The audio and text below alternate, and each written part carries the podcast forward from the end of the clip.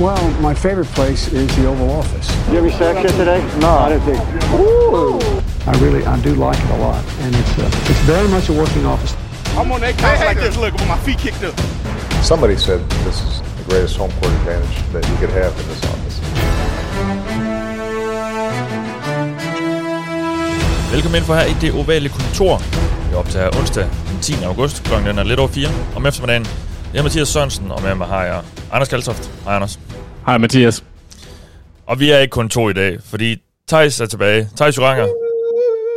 Velkommen tilbage, Thijs. Tak. Jeg har glædet mig. Det har vi også.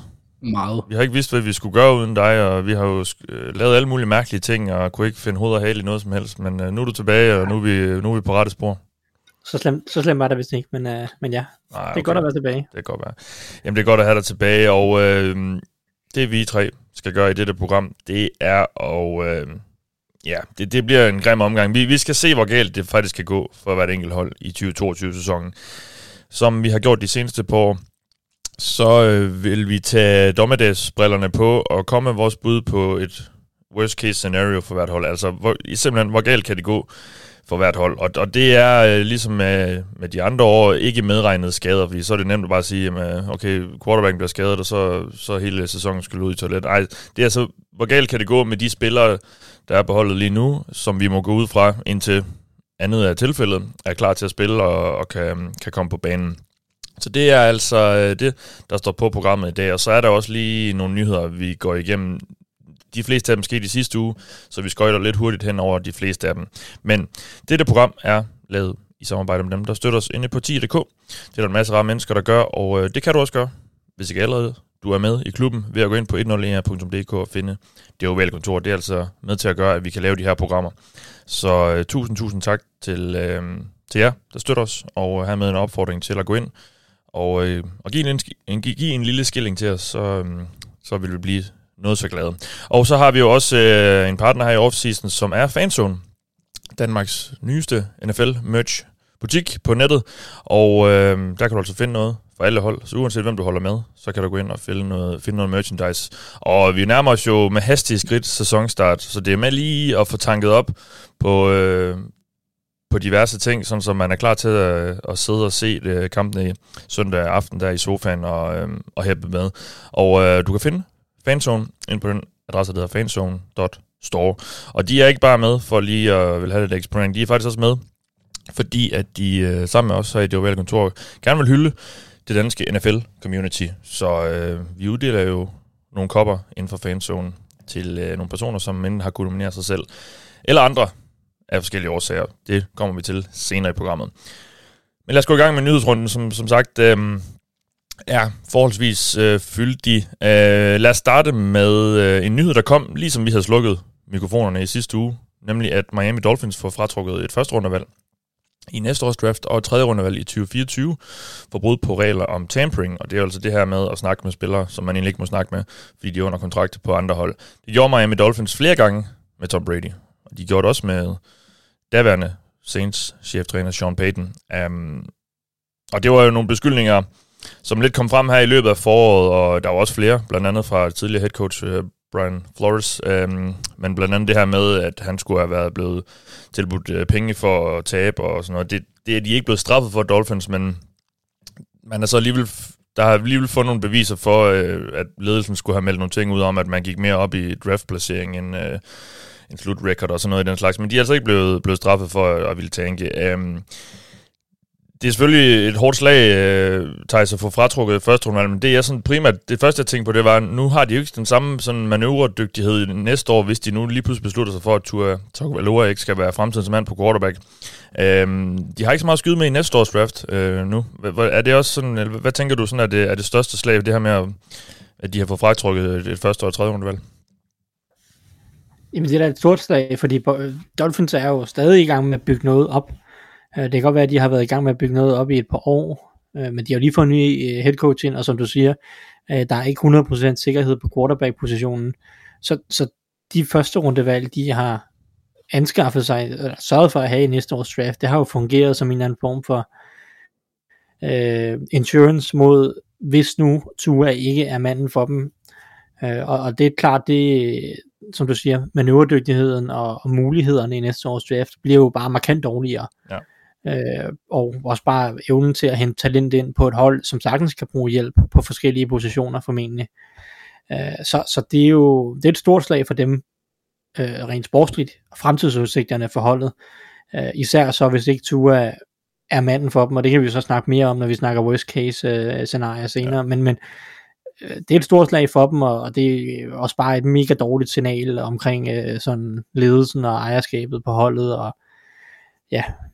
Ja, og Steven Ross, måder bare... ja, Steven Ross, der er ejer, det har jo ikke, det har jo ikke været særlig godt, mens han har stået i spidsen for den her klub. Og nu har der så også været de her ufine metoder, der nu er, er blevet fundet beviser for, at der er blevet taget i brug. Så øhm, ja, de, de, øh, de hunger lidt efter noget succes, øh, både på og uden for banen, øh, Dolphins. Øh, nu må vi se, om, om det bliver til noget allerede i år.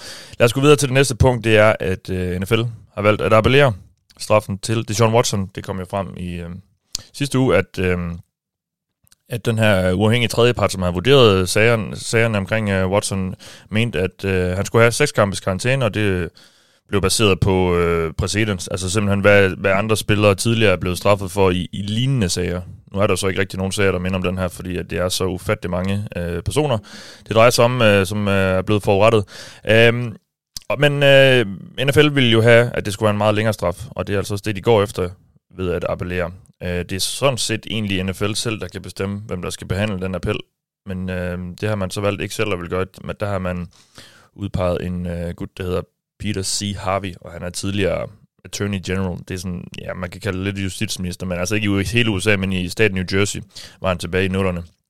Han har tidligere været inde over øh, nogle NFL-sager. Han var blandt andet rådgiver på, øh, på sagen omkring øh, Ezekiel Elliott's karantæne for et par år siden. Så han er ikke... øh, det, det er ikke helt uvandt for ham at, at skulle ind og have den her rolle, og han skal altså komme frem til, hvad der skal ske nu i den her sag.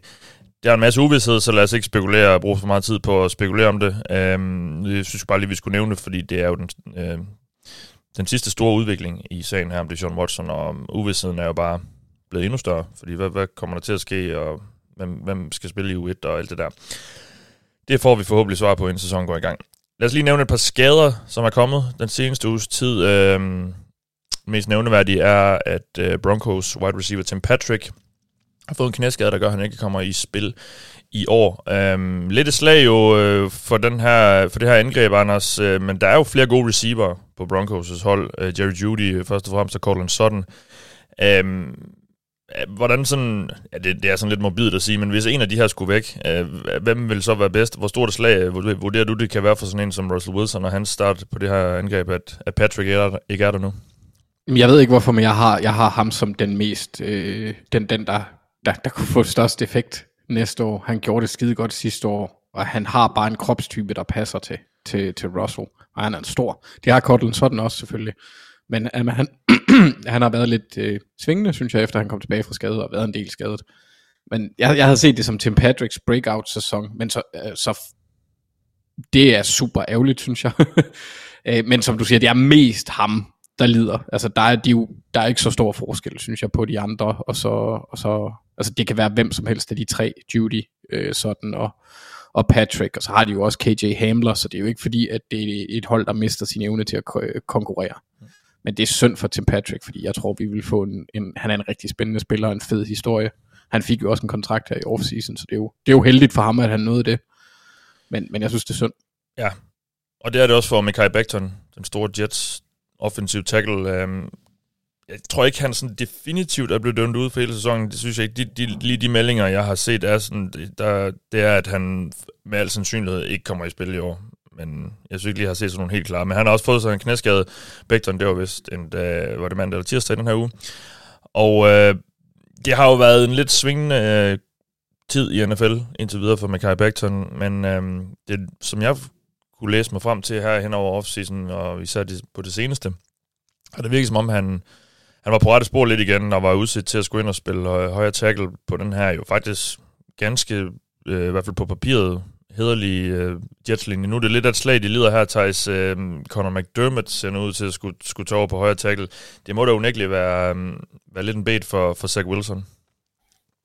Jo, helt sikkert, og, og mega meget også bare for Jets, fordi de har jo investeret et højt valg i, i Becton, som jo egentlig som spillede en ret fin rookie-sæson, og så sidste år gik op i hat og briller, og han var måske ikke helt i form, og han var måske lidt småskadet, og hvad ved jeg, og så kommer, øh, kommer han ind til den her sæson, og meldingerne var positive, og han, de havde fået rykket lidt rundt på linjen, og nu skulle han spille højere tackle, og, og altså, det virkede som om, at der var igen var god stemning, for de sidste år var det jo nærmest, altså, øh, ja, der var mega dårlig stemning omkring øh, Becton, og det lyder som om, han, de overvejede at trade ham, og, og hvad ved jeg. Øhm, og så der var positive vibes igen omkring ham, og så får han den her skade, og det, og det, det er virkelig bare ærgerligt for Jets, som du siger, de har investeret så meget i den offensive linje, og også investeret meget i Becton, og han skulle jo ligesom være en hjørnesten på den her linje, øh, og det, det bliver han jo så ikke, og, og det er den position, hvor de måske også har færrest oplagte muligheder for, hvem der skulle sådan gå ind og tage over. Jeg synes, de er lidt bedre dækket ind på guard, hvis der var kommet en skade ja. der. Men, men øhm, det lyder jo som om, de formentlig vil prøve at hente noget hjælp ind udefra. Øh, der har været snak om Dwayne Brown. Ja, han øh, har endda været på besøg hos dem.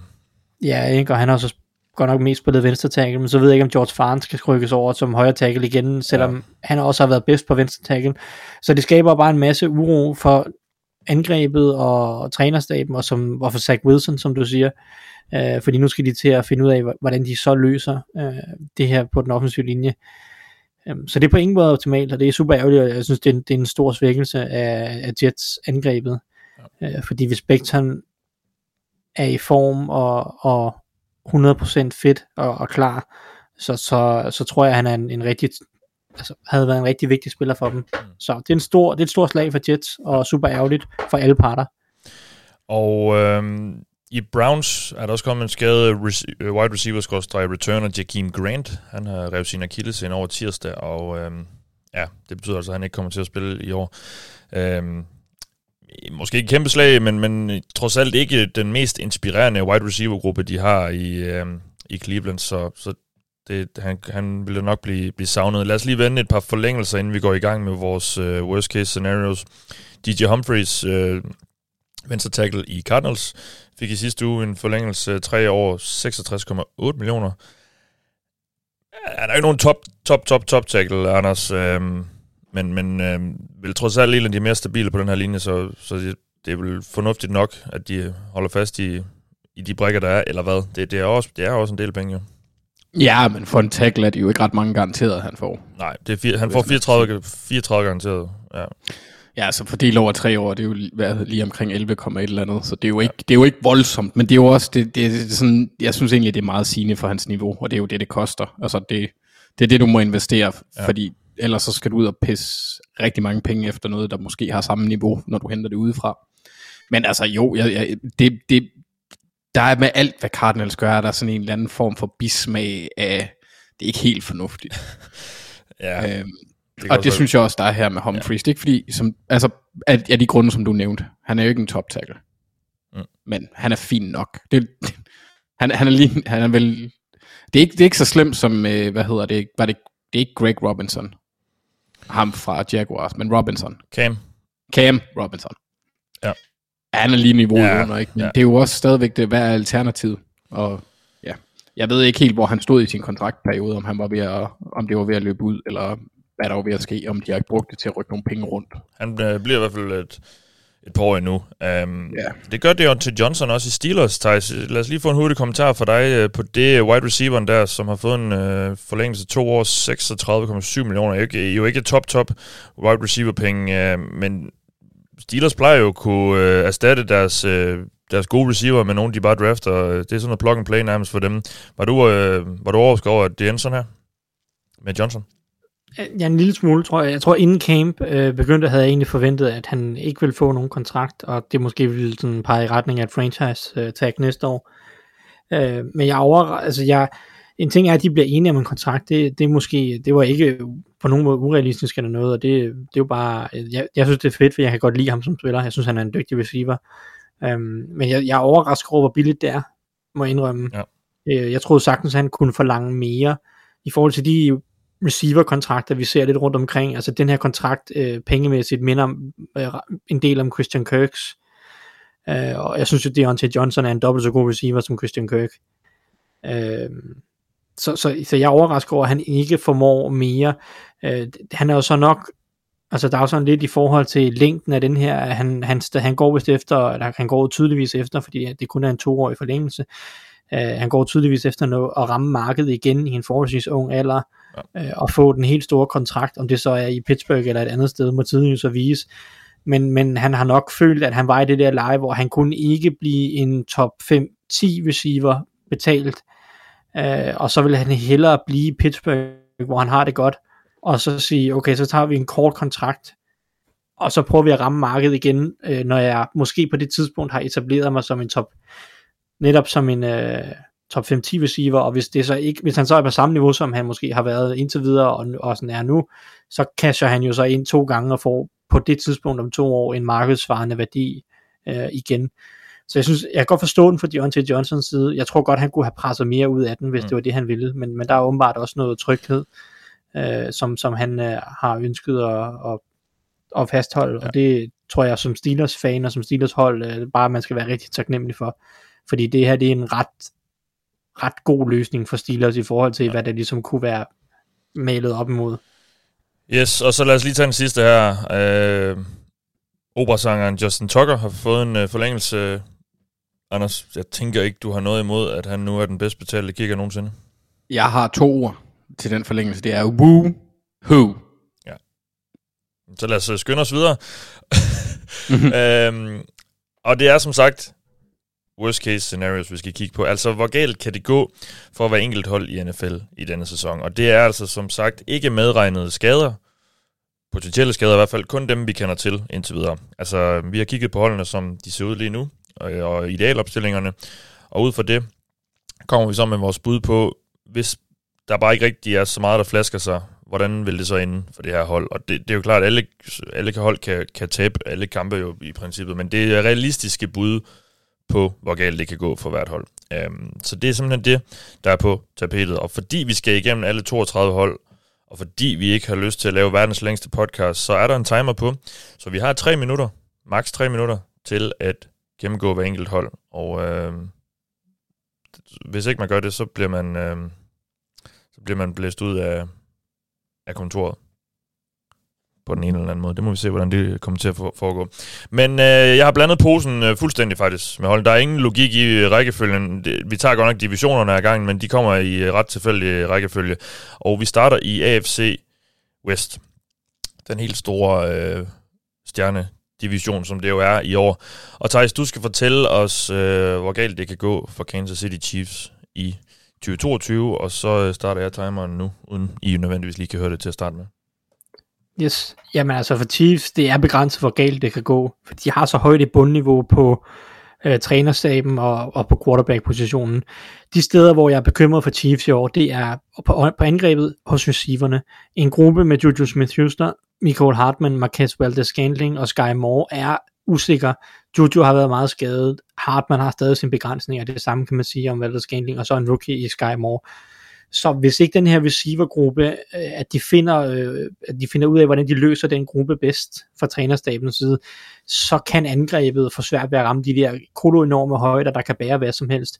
Og det er jo så det, der er udfordringen, fordi det her forsvar var altså i øst og i vest i 2021. Det startede helt forfærdeligt, så blev det ret godt, så blev det lidt værre igen i hen mod slutspillet, og sådan der er ikke rigtig nogen, der ved, tror jeg, hvordan det her forsvar ender. Øh, de har tydeligvis prøvet at investere en masse i det, to første rundevalg og nogle kontrakter osv. Øh, blandt andet, altså Tyreek Hill traden væk er jo i høj grad for at få flere dygtige spillere ind, for at få lidt bedre sådan kvalitet i bredden af, af, af holdet, så det ikke er båret så meget af superstjerner. Om det, er, om det lykkes for dem i år på forsvaret, det må tiden vise, men, men, men, men det kan sagtens gå galt på forsvaret. Og så så vi, hvor lavt bundniveauet var sidste år. Mm. Og hvis forsvaret ikke spiller, og receivergruppen, receivergruppen har det svært også, så er det her et hold, hvor at alt afhænger af Patrick Mahomes, øh, og han ikke får ret meget hjælp. Og det er selvfølgelig begrænset, hvor galt det så stadig kan gå, fordi Mahomes er så dygtig. Men så, altså, så er det et hold, så vinder de kun, hvad ved jeg, 9-10 kampe, jeg vil, jeg vil sige 10 kampe, så bliver de 10-7 i værste fald. Uh, om det er så nok til slutspillet, så er det lige på grænsen til slutspillet, men, men det er jo en svær division, så hvis det ikke helt spiller, så kan det godt hurtigt, de kan godt hurtigt ryge bag Chargers eller Raiders eller, eller, eller hvad hedder det, Broncos i køen. Øhm, så jeg, jeg siger, at 9-10 sejre er, er worst case for Chiefs, hvis forsvaret ikke spiller, mm. og receivergruppen har det svært. Jeg har lige et lille minut. Um, Har, jeg har stadig et minut tilbage. Ja, det har du følte- faktisk. Jeg følte uh, tre minutter, og så jeg skulle skynde mig så meget. ja, det, det er også fint. Men, Altså- men, men det, der jo øh, er rigtig interessant, det er netop det her med, øh, hvem er hans nye yndlingsreceiver, og hvordan, men han har jo stadig Kelsey også, altså det er jo lidt, øh, måske det, han kan læne sig lidt op af.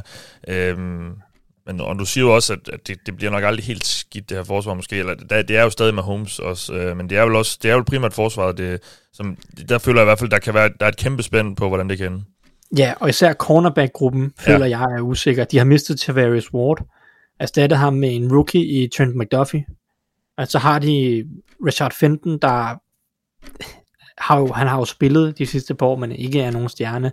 Legarius Sneed, som har vist gode takter, men også haft også haft dårlige spil. I, altså, så det er en meget ung secondary, også på mange måder. De har også altså, erstattet Tyron Matthew, en af lederne, med Justin Reed. Okay, det var, det var timeren, der gik der. Ja. Så det er især secondaryen. Ja. Ja. Det, det er der, det kan gå rigtig galt, hvis det her forsvar kollapser, tror jeg. Thijs, jeg tror, du bliver kørt ned af det tog der. Det er hype-toget. Der kører af sporet eller noget. Ja, og, og meget passende, så er det også nu Chargers, vi skal høre om, Anders, så take it away. Jamen altså på engelsk, så snakker man om konceptet af game of attrition. Øhm, det kan også være war of attrition, men det synes jeg ikke var så lækkert i forhold til, hvad der sker for tiden. Men altså, hvis en her skulle erobre et slot eller en stor by, hvor det handler om at nedbryde modstanderen lidt efter lidt, øh, stop tilførselen af mad og sådan noget. Og nu vil jeg ikke, jeg er ikke på vej til at sige, at Chargers vil dø af sult, selvom det er muligt, for det er Chargers. Men når skader og det ukendte ikke er i spil i den her øvelse, så vil jeg se på den største øh, opponent imod en succesfuld sæson, være styrken i deres division. Så øh, ja. alle fire hold, som Thijs også nævnte der til sidst, alle fire hold kan slå hinanden, og jeg forventer, at det bliver nogle tætte kampe af slagsen i den her øh, sæson. Så jeg kan godt se en situation, hvor Chargers taber en del af deres interne opgør i divisionen, og endda måske også kampe efterfølgende, fordi intensiteten i de her kampe, forventer jeg, bliver ekstremt høj. Så øh, jeg har dog svært ved at se, at det bliver sådan helt fatalt, fordi de har forbedret sig på punkter, sidst, hvor de var elendige sidste år, kunne de ikke stoppe løbet, hvis øh, ja, deres mors liv afhang af det. De var så dårlige, og det har de virkelig fokuseret på med indhentning af en række free agents, blandt andet Sebastian Joseph Day, der, og Khalil Mack, som ikke var en free agent, men som var en trade. Øhm, men jeg har, så, så jeg har svært ved at se det blive helt fatalt, uanset hvor hård den division er. Selv om øh, mit bud, 7 og 10, er en skidt record uden skader, så er det det laveste, jeg vil sætte dem. Så selv hvis deres investeringer ikke bærer frugt, særligt på forsvaret, selv hvis deres forsvar fortsætter med at være elendige mod løbet, så bør de være bedre på de her punkter, selvom de er dårlige. Mm. Så jeg kan ikke se dem have en sæson være en, en 7 og 10 på papiret. Øhm, men en ting jeg også vil sige, altså selvfølgelig højre siden af den offensive linje, er den, er, er, som vi snakkede om i et tidligere program, Mathias, det, det er der, jeg vil se den største ja. Ja. svaghed. Øh, den offensive linje, hvis den ikke fungerer, så bliver det øh, en, så bliver det mere svært for Justin Herbert. Men jeg vil også lige sige, det er Chargers, så spektret af ting, der kan gå galt, er uendelig. Altså det er lige før, jeg ikke vil afvise muligheden for, at Dustin Hopkins, deres kicker, i den sidste kamp, med muligheden for at vinde kampen og sende øh, Chargers i Super Bowl, for eksempel, bliver ramt af Tarantalegra-forbandelsen fra Harry Potter, der får hans ben til at sparke ud til højre og venstre, og ramme bolden så skævt, at den døjnker op på målstolperne, rammer Brandon Staley i løgne, inden den rammer jorden og bouncer op i ansigtet på Justin Herbert, hvor den smadrer næseknoglen op i hjernen, og han må køres fra banen i en ligekiste. Jeg siger ikke, at det sker, men det er Chargers, så jeg vil ikke anklages for at have undladt muligheder. Jeg synes, jeg har dækket lidt ind her. Ja. Og hvad siger du, syv sejre minimum? Ja. Ja. Fordi jeg ser dem som et godt hold. Jeg synes endda, det er måske... Altså, jeg, jeg, jeg ligger dem lige under Chiefs, så det passer jo godt med en 7-8 sejr. Okay. Du er ved uh, hype-toget. Ja, men jeg, det var altså, jeg var også øh, øh, øh, en enelse realistisk, vil jeg synes. Jamen, jeg tænkte Altså, også uh, her, nu her, altså, du blev ikke uh, Nå, kørt, hey. af, kørt af sporet. Jeg snakkede også ekstra hurtigt, Ja. hvilket nok ikke er super godt for lytterne, for jeg snakker hurtigt i forvejen. Ah, men der skal... Vi, vi, kan ikke, vi kan ikke sidde hele aften jo, men, men uh, og vi har meget, vi skal nå, og uh, lad os fortsætte med Raiders, som jeg tager mig af. Og uh, når jeg kigger på det her angreb, så begynder jeg at ryste i bukserne, når jeg kigger på den her linje. Der er jo, der er jo, øh, der er jo rigtig gode mål for Derek Carr at kaste til nu. især hvor øh, det var en Adams jo er kommet til. Så danner han en, øh, en farlig trio sammen med Hunter Renfro og Darren Waller. Men i et værste tilfælde, så skal Derek Carr fordele boldene bag en meget, meget skidt, hvert fald svingende linje. Uh, vi har selvfølgelig Cole Miller på venstre tackle, det er ganske hederligt, men så er det John Simpson, Andrew James i hvert fald på den depth chart, jeg sidder og kigger på her, Lester Cotton, og så uh, skal Alex Leatherwood uh, angiveligt ud og spille tackle. Det, det er jeg ikke sikker på, uh, i hvert fald uh, ender særlig godt. Så i værste tilfælde, så er den her linje en af de ja, lad os, lad, lad os være flinke og sige 10 dårligste i NFL, og så bliver det bare svært for det her angreb at komme ind i en rytme. Og øh, jeg kan også godt forestille mig en situation, hvor øh, Carr og Josh McDaniels, den nye head coach, som jo også er, øh, er spilkalderen, lige skal finde hinanden måske. Altså, de skal lige finde ud af, hvad fungerer egentlig, hvad, øh, hvad virker bedst, hvad kan, hvad kan Carr lige, hvad, kan, hvad for et angreb vil McDaniels gerne køre, og hvordan er han egentlig som head coach generelt. I, i værste tilfælde øh, fungerer det jo heller ikke særlig godt. Så det er sådan min, min input til, øh, til angrebet. På forsvaret er der egentlig fine nok spillere øh, på flere positioner. Men der, er også, der har været meget udskiftning, og, og slår de her til, altså en Chandler Jones er kommet ind, han skal tage for Yannick Ngakwe. Altså Chandler Jones, han er jo en spiller, vi med al sandsynlighed nok må sige, har peaked i, øh, i sin NFL-karriere. Hvad, hvad, kan han, hvad kan han stadig komme med? Så er der selvfølgelig Crosby på den anden ende, som er en stjerne. Um, men i værste tilfælde, så er det her kasteangreb stadig halsløjt, ligesom det var sidste år. Øh, Casey Hayward er væk, ind er kommet Rock Yassin. Er det en en-til-en øhm, erstatning? Det er jeg ikke 100% sikker på. Øhm, så så, så det, det bliver sådan lidt, jeg tror, jeg tror stadig, at det kan være sådan et gennemsnitligt, måske endda lige under gennemsnitligt forsvar, det her, som, øh, som Patrick Graham, som jeg egentlig har haft lidt en fidus til tidligere, kommer til at, at køre. Um, så det jeg er endt med, det er, når jeg også kigger på, hvem de så skal møde, Raiders, så er det jo et ret svært kampprogram, de har. Uh, så jeg er endt med at sige 7-8 sejre i værste tilfælde. Uh, fordi jeg tror stadigvæk, at angrebet kan være forholdsvis potent. Uh, linjen var heller ikke super god sidste år, men Carr fik alligevel en del ud af det, nu er Adams der. Uh, så jeg siger 7-8 sejre for Raiders. Det, Mathias, det minder lidt om øh, min konklusion med i Pokémon-episoden, og det er de samme problemer, de har. ja.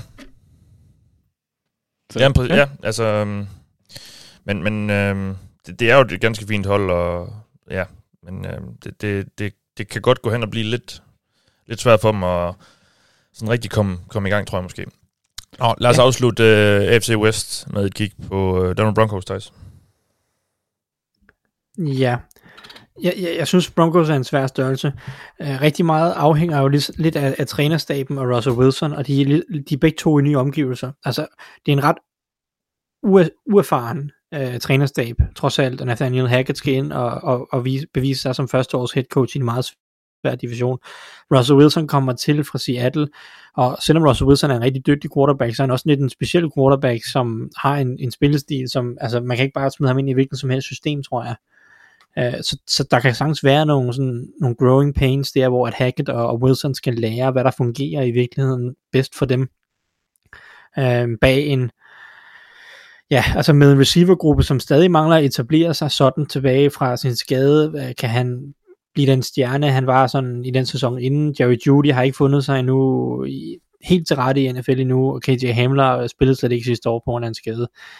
Øh, så, så der er sådan lidt med, hvordan det her angreb, og om, om det kan ramme, ramme et højt niveau fra start af.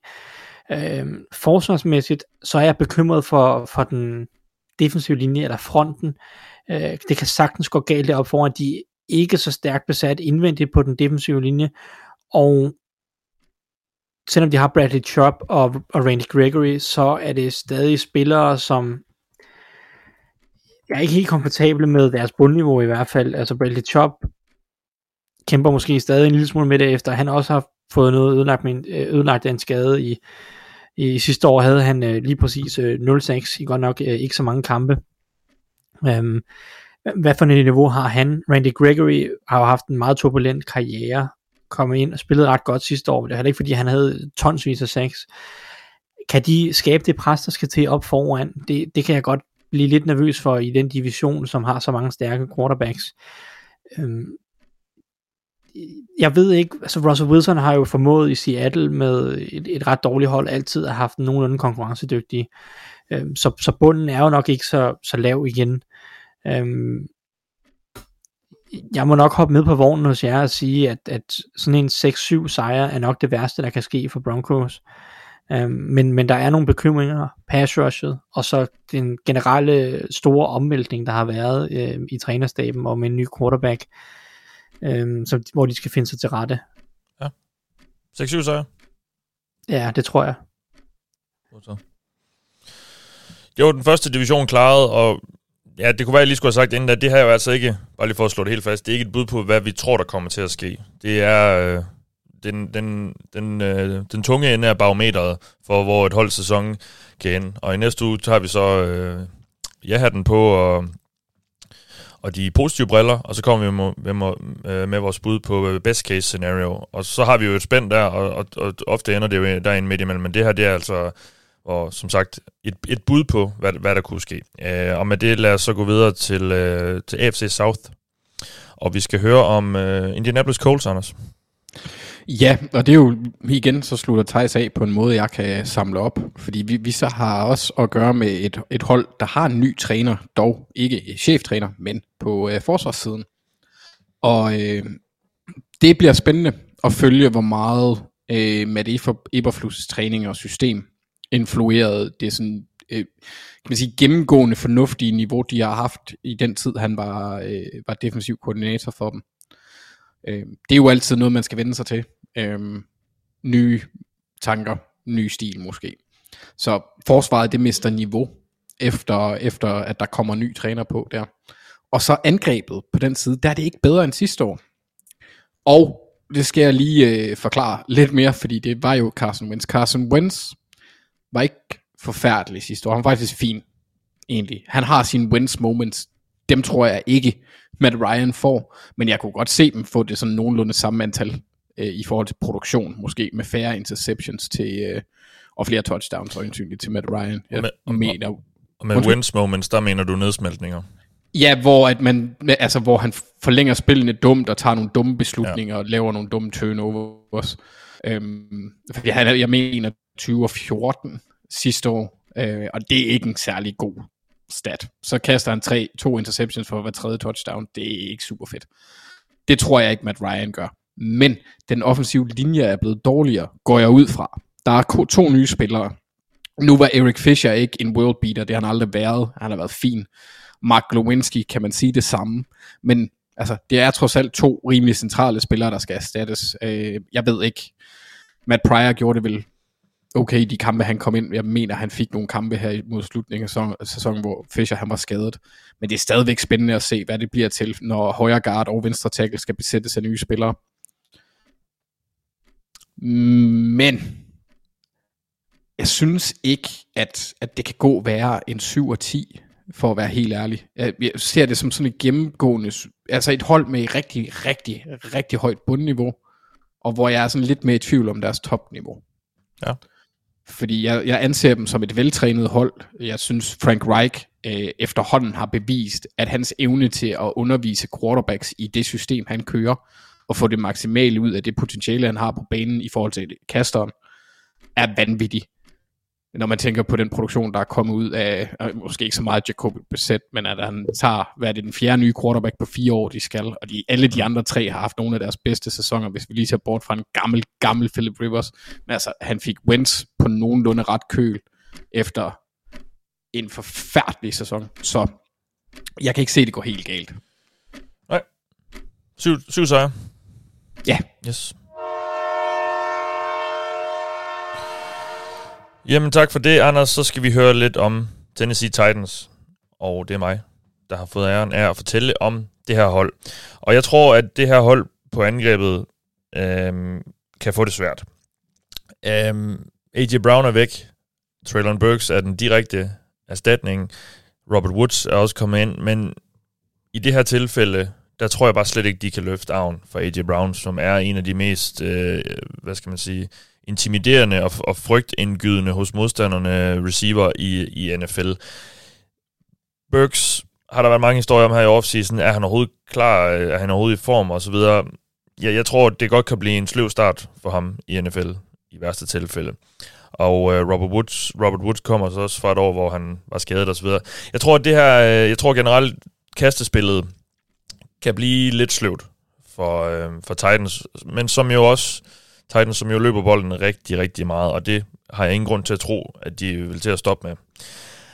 Um, men i, i værste tilfælde, der er Derrick Henry også ved at være, have været brugt så meget, at øh, han er bare ved at være lidt slidt. Vi så også, at han blev skadet i de sidste sæson.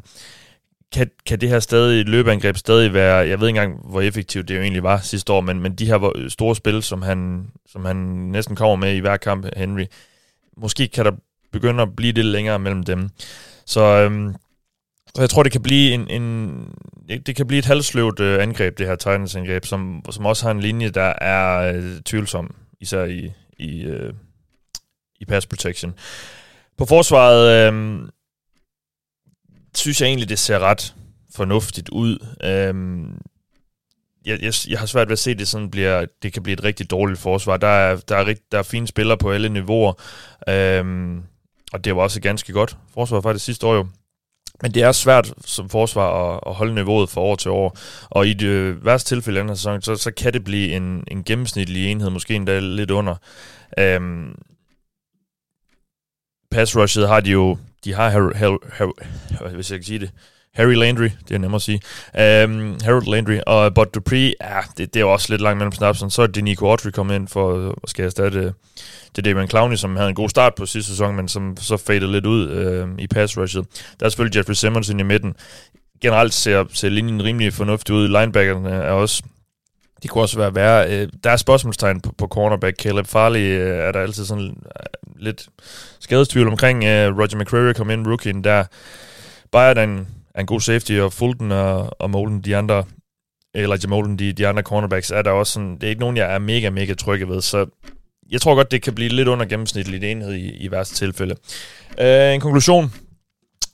Det er et halvsvært det kampprogram, de har Titans, så jeg, jeg er inde med at sige, at de i værste tilfælde kan ende med at vinde kun 6-7 kampe.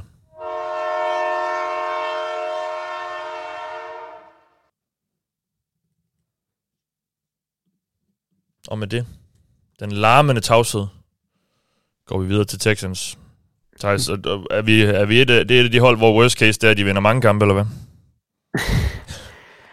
Nej, ikke nødvendigvis, men, men vi er ude i, hvor worst case øh, ikke handler så meget om wins and losses, tror jeg.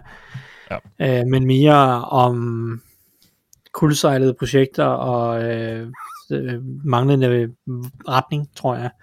Altså det værste, der kan ske for Texans, altså, altså i forhold til wins and losses, så, så kan Texans jo tabe alle kampe, jeg tror. Det er ikke fordi, jeg tror, de går 0-17, men altså, de kan sagtens ende for, med, med first overall øh, spillemæssigt, ikke? Så lad os sige det sådan. Men det værste, der kan ske for dem, det er jo, at, at ja, det er, at Davis Mills ikke er svaret, at nogle af de investeringer, de har lavet i år i Kenyon Green, Derek Stingley, at det ser skidt ud. Øh, at, ja, måske som du siger, måske er det værste, der kunne ske for dem, det er, at øh, Davis Mills ikke er svaret, men de alligevel på en eller anden måde får skravet seks sejre sammen, så de ender sådan i bunden af top 10 i draften, og ikke, ikke har det der høje første rundevalg, hvis nu Davis Mills ikke er svaret. Det kan godt være, det er worst case i virkeligheden øh, for dem. Så der er to worst case. Enten er de bare mega dårlige, og det er bare avler mere taberkultur, og de taber så mange kampe som overhovedet muligt, fordi det, det er virkelig også et hold, som hvor taberkulturen efterhånden er, øh, er, er rimelig stærk. Altså det er, ja. det er en mærkelig samling spillere. Ikke? Det er ikke fordi, de har kunnet tiltrække ret mange interessante free agents de sidste år. Måske har de ikke prøvet heller, men, men ja, det er en mærkelig trup, ikke ret stærk trup. Um, så enten så taber de alle deres kampe, eller så er David Mills ikke svaret, og de vinder lidt for mange kampe til at, at, at drafte i top 3. Altså det, begge kan gå an som et worst case scenarie. Men, mm. uh, men uh, ja, det, det, det tror jeg er der, vi er ude. Um, okay.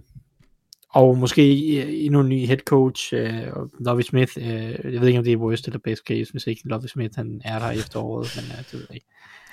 Nej. Det, er sådan, det er sådan lidt svært. Det kan gå meget galt i Texans. Så er vi nede på at sige, hvis vi, nu laver jeg lige sådan, nu laver vi sådan en oversigt over en worst case antal sejre. Er, er det så 0, eller hvad? Ja, altså de, de sidste år, der vandt de jo, hvad, endte de med at vinde Tre, sidste år? Tre, tre, eller eller, ja, tre, tror jeg. Ja, måske. Jeg vil sige uh, to af worst case for Texans. Ja. De skal nok få skrevet et par sam- sejre sammen til, uh, vil jeg tro. Love Smith er rimelig erfaren, og Ja. det, det, så dårligt var det heller ikke sidste år. Uh, så, Nej. så må ikke de i hvert fald minimum får to. Ja, okay. Og to var vel, var det det, den total Jaguars endte på sidste år? Eller hvordan var det nu? Nu bliver jeg lidt i tvivl. Ja, det er der omkring. Lions, de, øh, de gik øh, 3, 13 og 1, og de havde nummer 2, så Jaguars var i hvert fald dårligere. Tre, ja, de vandt tre kampe, det var flot. Øh, hvad er worst case scenario i år, Anders? Det, øh, jamen, det er sjovt. Det er værre end... Nej, det er jo ikke værre. Det er værre end den aktuelle situation sidste år, kan, kan man sige. Øh, Jeg har sat 2 og 15. Øhm, og jeg forventer ikke, at det er sandsynligt, at ting går så galt, det skal lige siges. Jeg tror ikke, at de faktisk går 2 og 15. Gjorde de det, så, så ville det i min optik egentlig heller ikke være worst case. Fordi worst case er ikke resultatorienteret fra, fra, mit optik, fra min optik her. Det er, at uh, Trevor uh, Lawrence han stagnerer eller ikke udvikler sig, og viser sig at være overhyped. At hans college-tid var overhyped. Det tror jeg nu heller ikke kommer til at ske. Men, altså hvis worst case falder ind, så så vi jo også ting sidste år, hvor mange eksperter havde regnet med, at han ville være bedre, end han egentlig var. Han havde også glemt, at, at han, han kan nogle helt absurde gode ting. Men der er grobund for tvivl.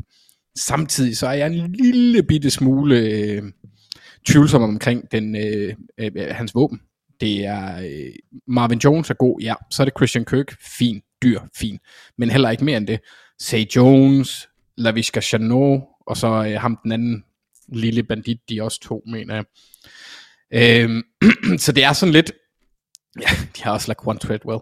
Der, der er lidt spørgsmålstegn der. På forsvarssiden, jeg er usikker på deres secondary, selvom Tyson Campbell han bliver hypet enormt meget, så jeg er usikker på det. Jeg er øh, spændt på at se, hvad deres pass rush kan, men i et worst så får Trayvon Walker ikke den effekt, som man håber, et første valg skal have. Og så er det jo også nærmest kun Josh Allen, de har på den anden side, så pass rush-delen kan også gå galt. Men igen, jeg har, jeg har lidt fornemmelsen af, at det ikke går helt skidt, fordi Doc Peterson er der. Jeg tror ikke, at det bliver så slemt, at vi kan se en, forvente en ny træner, ligesom hos Texans. Jeg tror ikke, de går to sæsoner med at fyre en træner i streg. Mm. Øh, jeg er enig med Thijs i, at det kan godt ske i Texans. Jeg tvivler på, at Doc Peterson han får den samme behandling. Så jeg vil sige 2 og 15. Øh, forsvaret er ikke godt. Altså, de har nogle byggesten. De har sat sig rigtig meget på linebacker. Det er måske ikke det rigtige sted, men det bliver ikke godt. Og så, øh, så er de, de spillere, de har betalt dyr, de er for dårlige. Den offensive linje kan også gå hen og blive skrald. De har Brandon Scherf, som er rigtig dygtig, men ellers så er det Tyler Shatley, Cam Robinson, som jeg nævnte før, og så Luke Fortner, der er rookie. Og så er det Joan Taylor, der ikke har levet op til sit anden rullevalgsstatus endnu. Han har også stået med skader. Men altså, det, det, der er mange visser og mange ting, der skal gå op i en højere enhed. Ja. Men, men jeg forventer, at de bliver bedre, men i en worst case gør de ikke. Og du sagde to sejre? Ja. Yes. Godt, tak. Vi tager fra syd til nord, og fra FC til NFC. Nu skal vi høre om NFC North, og vi starter i Chicago, hvor jeg skal snakke om Bears. Og i forhold til angrebet, så startede jeg bare med at skrive, øh, alt er lort, i værste tilfælde. linjen, og jeg er ikke engang sikker på, at det er i værste tilfælde, det er måske også ret sandsynligt, at linjen er elendig. Øhm, der er virkelig ikke ret meget kvalitet der. Og øh, på grund af det, så øh, får Fields rigtig, Justin Fields rigtig svære arbejdsvilkår, og øh, dermed svært ved sådan ligesom at, at finde øh, fodfæstet i NFL og sådan rigtig udvikle sig. Og, øh, blandt andet også fordi han ikke rigtig har nogen at kaste til, udover Darnell Mooney og Cole Komet. Og hvis man lige tænker over dem, som skulle være primære mål i et angreb, så er det måske ikke rigtig altid noget, man har lyst til. Det er også en rigtig sløj øh, receivergruppe, det her. Um, altså man har arbejdet med Justin Fields. Så angrebet kan godt ende med at blive lidt af... Øh, jamen, jeg ved ikke engang, hvilke ord jeg vil bruge. Det, det kan blive rigtig grimt, tror jeg faktisk. På forsvaret er der blevet skiftet en del ud. Og stort set kun til det værre. Øh, i, der er ikke rigtig nogen, der kan pass rush i værste tilfælde, udover en, en halvgammel Robert Quinn, som også er lidt på tradeblokken, hvis nok. Det er de fleste gode spillere, øh, angiveligt i Bears, som jo virkelig lavet til at ville rykke det hele ned. Um, og de rookies, der er i, øh, i gruppen af defensive backs, Jaquan Brisker og øh, Carla Gordon, de, øh, de, de kan bare ikke rigtig slå til. Øh. og, og, og jeg er også sådan, og, og Roquan Smith, der er største stjerne på forsvaret, han vil så væk, så han gider ikke spille for klubben, så hvis han er der, så er der nok ikke så stor chance for, at han måske sådan giver sig 110 procent. Um, så forsvaret kan også ende med at blive, øh, blive rigtig sløjt. Så alt i alt er nået til at sige, at de i værste tilfælde kan ende med kun at vinde to til tre kampe, selvom de er udsat til at have en af de nemmeste kampprogrammer i NFL. Og i den ligning ligger også, at det er en rookie head coach, der står på sidelinjen. Hvad kan Matt Eberflus? Er han, er han en god head coach? Det har vi ingen anelse om. Uh, han er en ganske god uh, defensiv spilkalder, det var han i, i Coles, men nu når han står med hele ansvaret, hvad så? Tager han de rigtige beslutninger, øh, eller stiger det ham til hovedet? Der er en masse, masse spørgsmålstegn, og igen, det er jo et hold, det her, som ikke vil noget i år heller. Så, så det, det kan godt være et hold, der, der falder helt sammen. Øhm, så jeg siger, jeg siger altså to til, til tre sejre, og, og dermed Bærs som et af de hold, der sandsynligvis vil, vil, vil vælge som en af de første i næste års draft. Ja, lad os skynde os videre i uh, NFC North og høre om uh, Green Bay Packers. Så fra den ene yderlighed til den anden nærmest. Ja, det, det, det er begrænset, hvor galt det kan gå i Packers. Ja. Øhm, største bekymring, det er angrebet og den offensive linje slash receiverne. Altså det, det, de har jo to gode tackles, eller to gode spillere på den offensive linje som udgangspunkt, David Bakhtiari og Elton Jenkins. Men, men begge øh, ser ud til sagtens at kunne misse sæsonstarten. Øh, og hvis det sker, så er det en voldsomt uerfaren og ikke ret øh, imponerende offensiv linje, de smider på banen. Øh, kombineret med, at man selvfølgelig har sagt farvel til Devante Adams, og det dermed er Alan Lazard, Sammy Watkins, Randall Cobb og øh, nogle rookies, hvor øh, Romeo Dupes er den mest hypede af dem alle sammen nok. Um, han er jo klar til Hall of Fame. Ja. Han er allerede sendt i Hall of Fame, øh, ligesom alle de andre Packers receiver, der hvert år bliver hypet i ja. preseason. Lad os se, om han også, om man også kan gøre det i sæsonen. Um, men den kombination er øh, kan være ødelæggende. Jeg tror egentlig, forsvaret hos Packers kommer til at have et ret højt bundniveau. Det, jeg tror ikke, det er der, de kan tabe sæsonen. Men hvis den offensive linje ikke fungerer, og hvis receiverne er sådan lidt, mm, så, så kunne vi sagtens se et, et alvorligt niveaudyk hos Aaron Rodgers. Han er ikke lige så ung, som han har været. Han er ikke lige så mobil, som han har været. Vi har set tendenser øh, de seneste par, sæson, par sæsoner, at når han først kommer ud af comfortzonen, så går det hurtigt rigtig galt for ham, fordi så er han ikke komfortabel i lommen. Han begynder at tage nogle chancer. Han, han, han kan ikke finde nogen receiver. Øh, vi, vi så det her, den her connection, han havde med Devante Adams, hvor han nærmest, hver gang han virkede til at være i tvivl, eller hver gang han skulle bruge et spil, så gik han Devante Adams vej. Har han den receiver i år, hvor han føler, at han kan gå den vej, hvis, hvis alt andet fejler, eller hvis der er brug for et spil? Øh, det kan jeg godt blive i tvivl om, og, og, og ja, jeg ved ikke, jeg synes ikke, Aaron Rodgers er lige så kreativ, som han måske var tidligere i karrieren, hvor han kunne finde på, altså kunne opfinde øh, en masse ja, vilde ting ud af ingenting. Skabe noget ud af ingenting. På samme måde. Det, det synes jeg ikke, han kan på samme måde i hvert fald. Så det, kan godt gå galt på angrebet. De kan godt misse øh, slutspillet. De kan sagtens godt vinde. Kun vinde. Jeg, vil gå ned til otte kampe måske. Øh, ja. tror jeg. Øh, det er også lavt sat, fordi at divisionen er ikke så intimiderende. Øh, så der alene der er der, øh, jeg skulle til at sige, seks sejre, hvor de nærmest burde få dem alle sammen. Ikke? Altså, så det er måske lavt sat med 8, vi kan godt sætte den til 9 i stedet for, men, men det her angreb har i hvert fald alle ingredienserne til at gøre Aaron Rodgers ukomfortabel. Fordi den her offensiv linje er meget uerfaren, hvis, den ikke, hvis de ikke finder fodfæstet, og den her receivergruppe er heller ikke ret intimiderende.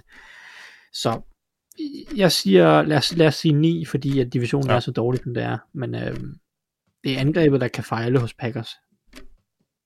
Modtaget. Jamen tak for det, du und, uh, undgik lige at blive, blive kørt af sporet af hype-toget, øh, uh, Thijs. Uh, øhm, vi skal høre nu om, uh, om hele NFL uh, Twitters darling, eller alles darling nærmest. Detroit Lions, Anders, som alle synes er fede, men tvivler på, hvor gode de egentlig er. Lad os høre, hvor, hvor galt det kan gå for, for Dan Campbells tropper. Ja, men altså lige, først så vil jeg lige kommentere, at jeg synes, det er mærkbart, at Thijs han ikke nævner Amari Rogers, som han tilbød mig i en trade forleden i Fantasy. Det synes jeg, det, det, det er lidt et tip på, at det var godt, jeg sagde nej tak. Men i forhold til Lions, så synes jeg ofte, at hold, der er anført af den her øh, kan man sige, mere følelsesmæssige øh, motivationstype, rah-rah, som vi kalder det, Ja. typer, de kan godt hurtigt miste pusten, når de render ind i modgang. Så er spørgsmålet så, hvor voldsomt lavinen den ruller, når det sker. For overordnet set for Lions, synes jeg egentlig, at de har rigtig mange spændende spillere. Det var det samme sidste år. De har bare et år mere på banen, og en ekstra spiller på den defensive linje til at gøre det sjovt. Øhm, og det er netop den defensive og den offensive linje, hvor at de har en rigtig, rigtig god base for at blive øh, i, som minimum middelmodige. Så, altså, og de kan også blive bedre der. Men det bør, altså, det bør være basis for som minimum en forbedring af sidste års 13 eller 3-13 af en sæson. Så jeg har opført mig lidt som en abstrakt hest og givet dem en ekstra sejr i år, men det samme antal nederlag. Så øh, øh, ja, 4 og 13 var mit bud. Øh, nu siger jeg godt nok, at Dan Campbell er en rah-rah guy, og det er han også. Men han virker ikke som den der falske rah-rah guy, hvor at pusen den virkelig ryger ud af ballonen. Når Nej, de, det, han mener det. Ja, han, han, er, han har følelserne og passionen med i det, han gør, så jeg tror ikke, det går så galt, at det bliver værre end sidste år. Mm. Øhm, men men med, med Jared Goff som quarterback, nogle mål, der måske ikke er de sjoveste i verden, selvom DJ Chark, han er, han er spændende. Og, øh, øh, øh, hvad hedder han? Øh, øh, øh, Amon Ra. Amon Ra. Ja. Ja. Jeg, jeg kunne kun finde på øh, St. Brown og Equanimous. Den egyptiske gud. Ja, han var der, han, var, han havde en rigtig god rookie-sæson, så der er nogle spændende spillere, men det er stadigvæk sådan, det er lidt, og deres tight end er også interessant. Forsvaret kan blive rigtig godt, hvis- den defensive linje fungerer, men der er nogle issues og nogle spørgsmålstegn i, i bagkæden. Øhm, det bliver særligt spændende at følge. Øh, øh, hvad hedder han nu? Ham de to højt, nummer tre. Eller to, Hutchinson. Nej, Og, øh, Okuda. var- Ja, Okuda, tak. Jeffrey. Øhm, hvad, hvad, der sker med ham, fordi ved siden af, hvad, hvad hedder han, øh, ham fra Penn State, det er da sjovt med navne i dag. Amari Uruvarie, der kom den. Ja, ja. han, er, han er en fin corner, og så var der også Tracy Walker, har også været okay en gang imellem med, som, som safety, mener jeg. Men der er stadigvæk nogle store spørgsmålstegn, så hvis den defensive linje, den ikke du går hen og dominerer, så kan det godt gå hen og blive besværligt for bagkæden på ja, forsvaret også. Så Ja. ja. Goff og, og bagkæden er de primære svagheder. Hvor så? Godt. Ja, okay, den, den nåede lige at komme. Men du Ja, undveg. jeg, nåede, jeg nåede at flytte mig. Ja, du hoppede af skinnerne. Yes. Lad os slutte, øh, slutte af i, i NFC North med øh, en lille snak om Minnesota Vikings. Og øh, der tror jeg, at angrebet godt kan, øh, kan blive lidt urytmisk. Godt kan blive lidt... Øh, hvad, hvad, hvad, er det, hvad er det bedste? Hvad, hvad, hvordan, hvad fungerer egentlig bedst? Og så videre. Fordi det er Kevin O'Connell, der er kommet ind her. Og han er nu ene mand for første gang i sin trænerkarriere ansvarlig for et angreb. Altså, og, og hvordan bliver det det her? Hvordan passer, hvordan, hvordan passer det til, til Cousins? Det tror jeg måske, det kan gøre ganske godt. Men hvordan finder de lige hinanden fra start og så videre? Jeg tror, jeg tror, jeg tror godt, det kan, det kan blive en lidt sløv start. Øh, det er det i hvert fald, det er det jo så også i, i værste tilfælde, som vi sidder og forestiller os nu her. Øhm, og, og i, den, i det scenarie, der er linjen også, som, som jo egentlig ikke er så stor en katastrofe mere for, for Vikings, og så, så stor en svaghed længere, men den er også middelmodig i det her scenarie, og, det gør også, at Cousins bliver ved med at være det, fordi han er han har lidt overtaget, synes jeg, rollen for Andy Dalton som, som, som, som middelmodighedens øh, mester, han har sagt. Altså, måske lige en tak eller to år, sådan 14. 13. 14. Hvor har, hvor har vi ham egentlig i vores power ranking? Nu jeg lige, øh, det kan jeg lige tjekke. Øh, som nummer 17. Ja, okay. Men, så, så det er lige der omkring, og, og det vil han fortsætte med at være i det her. Altså, han kommer bare ikke rigtig med noget ekstra, Kirk. Han gør det, han skal, men ikke så meget andet. Og øh, derfor tror jeg, at angrebet, selvom der er rigtig mange gode spillere på mange positioner, øh, på skill-positionerne, receiver og running back, så, så tror jeg, at det her angreb i værste tilfælde kan ende med at være øh, middelmodigt eller, eller lige under i, i NFL. På forsvaret, øh, der er kasteforsvaret stadig meget shaky, som det var sidste sæson. Og øh, blandt andet fordi, at der er kommet flere nye ansigter til i form af, af de to rookies, øh, Andrew Booth og Louis Sean, på henholdsvis øh, cornerback og safety. Øh, de skal lige finde sig til rette, og, og er måske ikke helt klar til, til lige at, at komme ind på en NFL-bane fra start, øh, selvom de har spillet begge to for store colleges godt nok. Øh, pass kan det også være lidt svært at se... Øh, sådan, altså, der er, der er så Hunter øh, nu, øh, Daniel Hunter, som, som ser ud til at, at være kampklar, og så Cedarius Smith kom ind. Det, det er også meget ansvar, de to har på sig. Øh, måske er Hunter ikke lige sådan helt, han skal lige have banket noget rust der også. Øh, jeg synes, jeg synes, det er svært at se det her forsvar være rigtig dårligt. Der er, der er mange gode spillere i, i de fleste øh, i de fleste led. Um, men, men i et værste tilfælde er det også lidt under middel. Og um, så, så det vi står lidt med, det er sådan en sæson... Altså jeg, jeg vil faktisk være ærlig at sige, jeg har egentlig været lidt lunken over for, for Vikings, men jeg synes egentlig, det er et ganske fint hold, og som måske godt kan, kan være lidt... Øh, give lidt problemer i NFC. Men jeg er med at sige 7-8 sejre. I worst case. Blandt andet også, fordi de vil blive ved med at være dårlige, skråstrej uheldige i tætte kampe, som de ved Gud var sidste år. De har sådan en schedule lige lige sådan gennemsnitligt svært i NFL. Så, men jeg tror, uanset hvad, det godt kan med, med 7 sejre. Så det er der, jeg er endt. Og øhm, så skal vi høre om, øhm, om NFC East, Thijs, og vi starter med New York Giants. Ja, første sæson med, med Brian Dable, og, og det, øh, de er jo i gang med at bygge noget helt nyt op, Giants. Det gør også, at den her sæson kan blive relativt tung. Øhm, de har jo valgt at give Daniel Jones en sidste chance, og jeg, jeg, kan, jeg har ikke helt kunnet beslutte mig for, om worst case er, at han bare er dårlig, og, men at de stadig sådan ender med et, øh, hvad skal man sige, et, et, et valg i, i tierne et eller andet sted, så det bliver svært at erstatte ham, eller, eller worst case er, at de stadig er i tvivl efter den her sæson, øh, hvor man, altså, man kan stadig se de mangler, som har gjort, at han ikke er slået til endnu, men Brian Dable har måske alligevel fået skjult nogle af manglerne så meget, at, at det, er sådan, at det er sådan næsten funktionelt, det her angreb. Øh, jeg kan ikke helt beslutte, jeg tror det sidste næsten vil være worst case, fordi så er du et eller andet sted, hvor du næste år igen skal tage en beslutning omkring Daniel Jones, og i det tilfælde, hvor at vi ender der, så ender vi jo nok også med det der valg i, i, i tierne, kan man sige. Øhm, så, så for mig tror jeg, er, at, at du har ligesom taget det her år, øh, og ligesom valgt at sige, det her det er sådan en genopbygning, det handler om, at vi skal finde ud af, hvad det er, vi har arbejdet med både på quarterback-positionen, selvfølgelig også de andre positioner, men det værste, der kan ske, det er næsten, at du ikke får en eller anden form for afklaring omkring din trup. Altså, du får ikke nogen afklaring over, om sådan, det er ikke noget, der er ikke noget oplagt valg i forhold til, hvilken retning man skal gå omkring Daniel Jones. Øh, så er der selvfølgelig nogle andre ting, der kan gå galt omkring øh, den offensive linje, måske øh, ikke tager de skridt fremad, som man har håbet på, at en ung receivergruppe med Kadarius Tony og, og Wandale Robinson måske ikke slået igennem, og hvad ved jeg. Der er alle mulige andre ting. Men jeg tror, det værste, der kunne ske for Giants i år, det er, at der ikke er en eller anden form for åbenlys afklaring omkring Daniel Jones. Det, det vil jeg mene er, det vil jeg mene var det, var det værste, der kunne ske for dem. Øhm, så i det tilfælde, der vinder de jo nok 6-7 sejre. Så lad mig sige 6-7 sejre, og Daniel Jones er stadig, sådan stadig på vippen for, for tredje år i træk-agtigt. Det, det synes jeg, det jeg, er lidt, lidt højt. Hvad siger du? Det synes jeg, den er, er lidt højt. 6-7 sejre.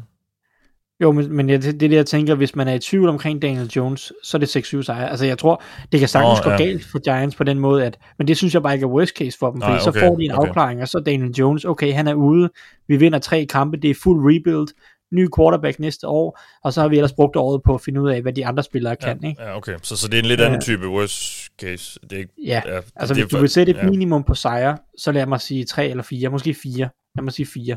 Ja. Ikke? Hvis det er måske minimum i forhold til sejre, men jeg tror det værste, der kan ske for dem, det er, at de vinder seks kampe, ja. hvor man stadig er i tvivl omkring Daniel Jones. Ja, okay.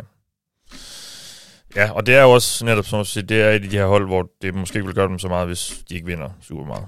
Så igen, så er der noget afklaring også. I forhold til den vigtigste position. Og så er vi nået til Philadelphia, Anders. Yes, det er vi. Og øh, hvor Eagles lander på skalaen fra svensk pølseret til Jordan Davis, det afhænger af Jalen Hurts. Fordi, altså, Eagles er foruden øh, øh, at de er nogle numsehuller, så, øh, så er de også virkelig stacked. Altså det er et, et af de bedste rosters på rigtig mange positioner. Den offensive linje er konge. Den defensive linje har så meget dybde, det er næsten uhyggeligt. Øhm, um, foruden Davis er der jo så Fletcher Cox, Brandon Graham, øh, hvad hedder øh, øh Hargraves, Hargrave, og så Milton Williams, og også spændende rookie fra sidste, eller der var rookie sidste sæson. De har bare rigtig meget at rykke rundt med. Så jeg kan ikke se, at det går helt galt for, for Eagles. Men altså, jeg synes, ja, ja, altså hold styrke alene bør sende dem i nærheden af 500, og så er det så, hvilken side af 500 de ender på afgør Hurts i min optik. Altså, bliver det over eller under? Det, det, det står og falder med ham, vil jeg sige. Og i et uh, worst case scenarie, der er han bare ikke god, uden et meget velfungerende løbespil. Så lad os sige, at Jalen Hurts, han er en øh, med mindre god version af Lamar Jackson, og har de samme problemer. Han er bare ikke lige så elektrisk, altså, og sød og dejlig. Men, så hvis linjen ikke er dominerende nok til, at modstanderhold ikke, kan, ikke formår at hæmme løbet væsentligt, så kan jeg godt se Eagles få problemer, selvom de har fremragende våben. Men igen, det afhænger meget af, hvad, hvad kan Hurts? Så for dem synes jeg, at holdet er godt nok til at gå langt. Og måske endda være en, en contender i NFC, hvis Hurts han kan udvikle sig.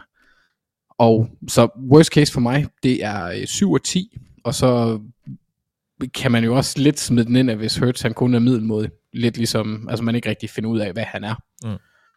Så er det også en, det, det er en ekstra kage over i det, men worst case, det er så 7 og 10, synes jeg, fordi uanset om, ja, altså hvis, hvis Hurts så viser sig ikke at være mere end det, han er nu, så har de ikke investeret voldsomt meget i ham, og kan gå ud og lede efter en ny en igen. Så altså, de er ikke, det vil ikke ændre på det på samme måde, synes jeg. Ja. Så 7 og 10 er worst case, og jeg forventer, at det, altså jeg, jeg forventer det, jeg, jeg synes det er urealistisk næsten, at de vinder færre. ja. Jamen, det Men jeg er, er også rimelig hyped.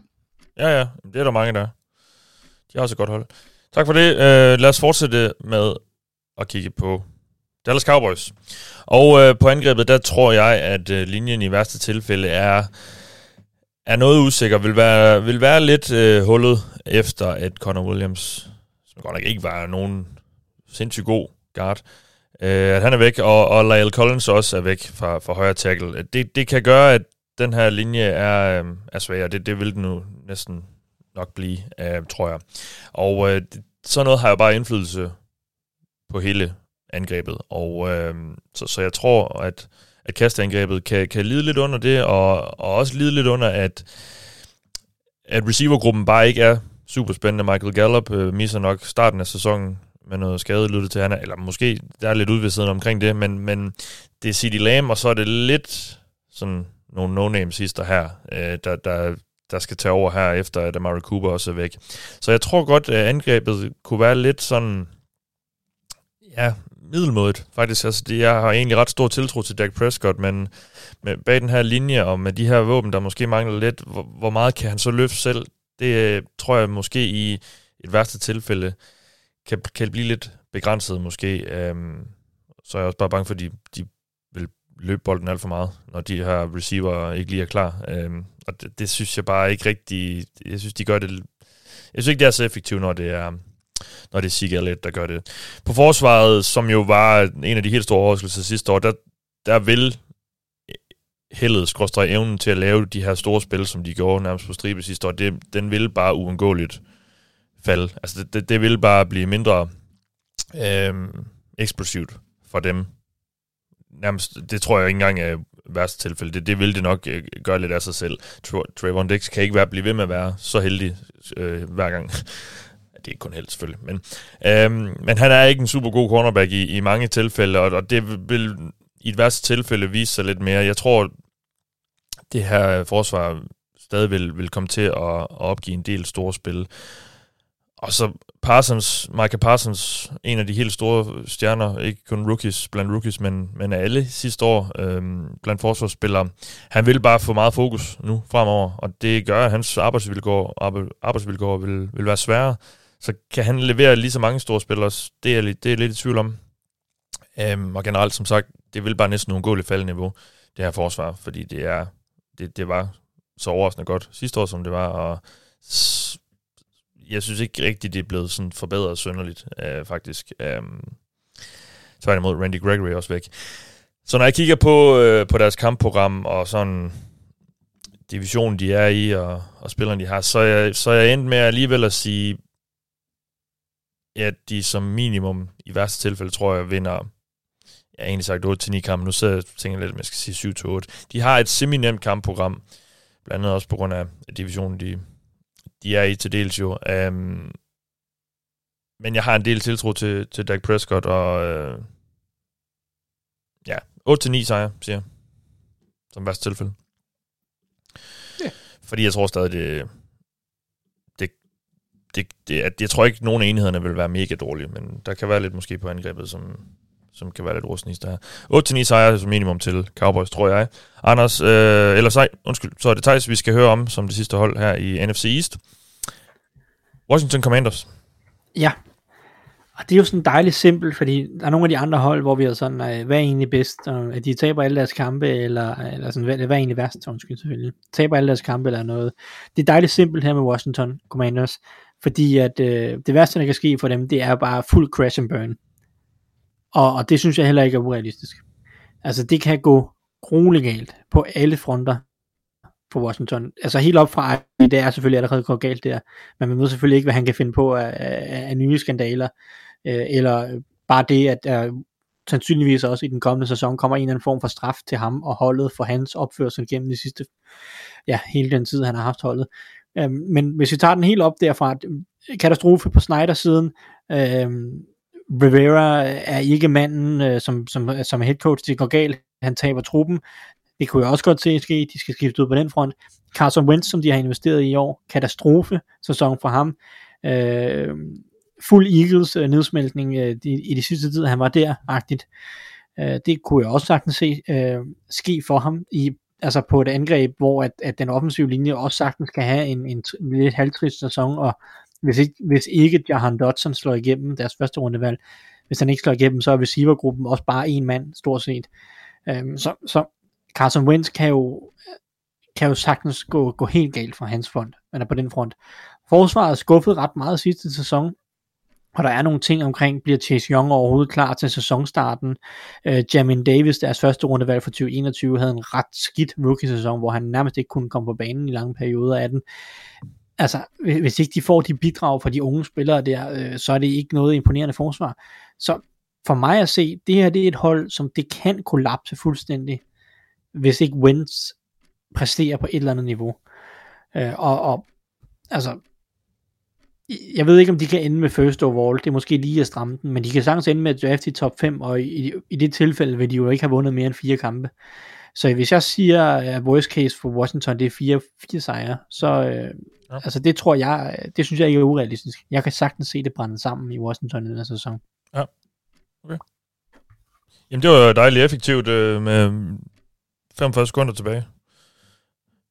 Så øhm, ja, tak det, for... det, det, var, det var dejligt simpelt som ja. sagt. Worst case, det er faktisk også for dem at tabe så mange kampe som ja, muligt. Det, det, er, det er ikke så svært at forestille sig. Måske. Øhm, vi er halvvejs nu igen holdene, og øh, så vi tager lige en afstikker her øh, væk fra, fra togskinnerne, Hype-togs øh, skinner, fordi øh, vi skal jo, som jeg sagde i starten af programmet, have uddelt en kop. Og som vi jo gør i samarbejde med Fanzone, øh, Danmarks nyeste NFL merch shop, som også er lavet af NFL fans. Det er altså ikke bare nogen, der tror, de lige kan, kan tjene mønt. Det er faktisk nogen, som brænder rigtig, rigtig meget for, øh, for det her og for, for NFL. Så vi belønner altså det danske NFL-community sammen med Fanzone her i offseason, og øh, den måde, det fungerer på, det er, at øh, vi har givet jer derude mulighed for at nominere enten jer selv eller en anden af forskellige årsager, og øh, så har vi trukket lod blandt dem, blandt de nomineringer, vi synes er bedst. Og denne uges vinder går til, øh, til Erik Jacobi Petersen, eller faktisk Kim Eskegaard Sørensen, fordi Erik har nomineret Kim med den begrundelse, at han, som Erik skriver, er en utrættelig drivkraft i den danske 49ers fangruppe. Udover at drive det bedste danske 49ers site på Facebook, har han lige kastet en podcast oveni. Og det synes jeg jo er mega, mega fedt at høre, at der er de her, danske fanklubber. Jeg er faktisk selv lige blevet medlem af en dansk Bengals fanklub, som jeg ikke vidste eksisterede før for et par uger siden. Og jeg blev øh, jo helt glad og varm ind i over, at der var mere end de to-tre stykker, jeg selv kender, som holder med. Bengals, det vidste jeg godt, der var. Men, øh, men at der alligevel var nok til at, at få stablet en gruppe på benene, det synes jeg var er rigtig fedt at se. Og det giver lidt stemning af det, at, at den fankultur, der er i USA, hvor alle jo, eller i hvert fald rigtig, rigtig mange, følger med i NFL.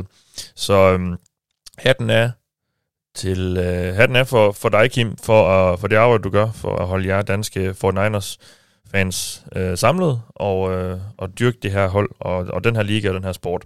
Det er super, super fedt at høre, og altså øh, tillykke til dig og til, til Erik. Øh, I hører fra mig, og så får vi sat jer i kontakt med fansonen, så vi kan få sendt den her kop afsted.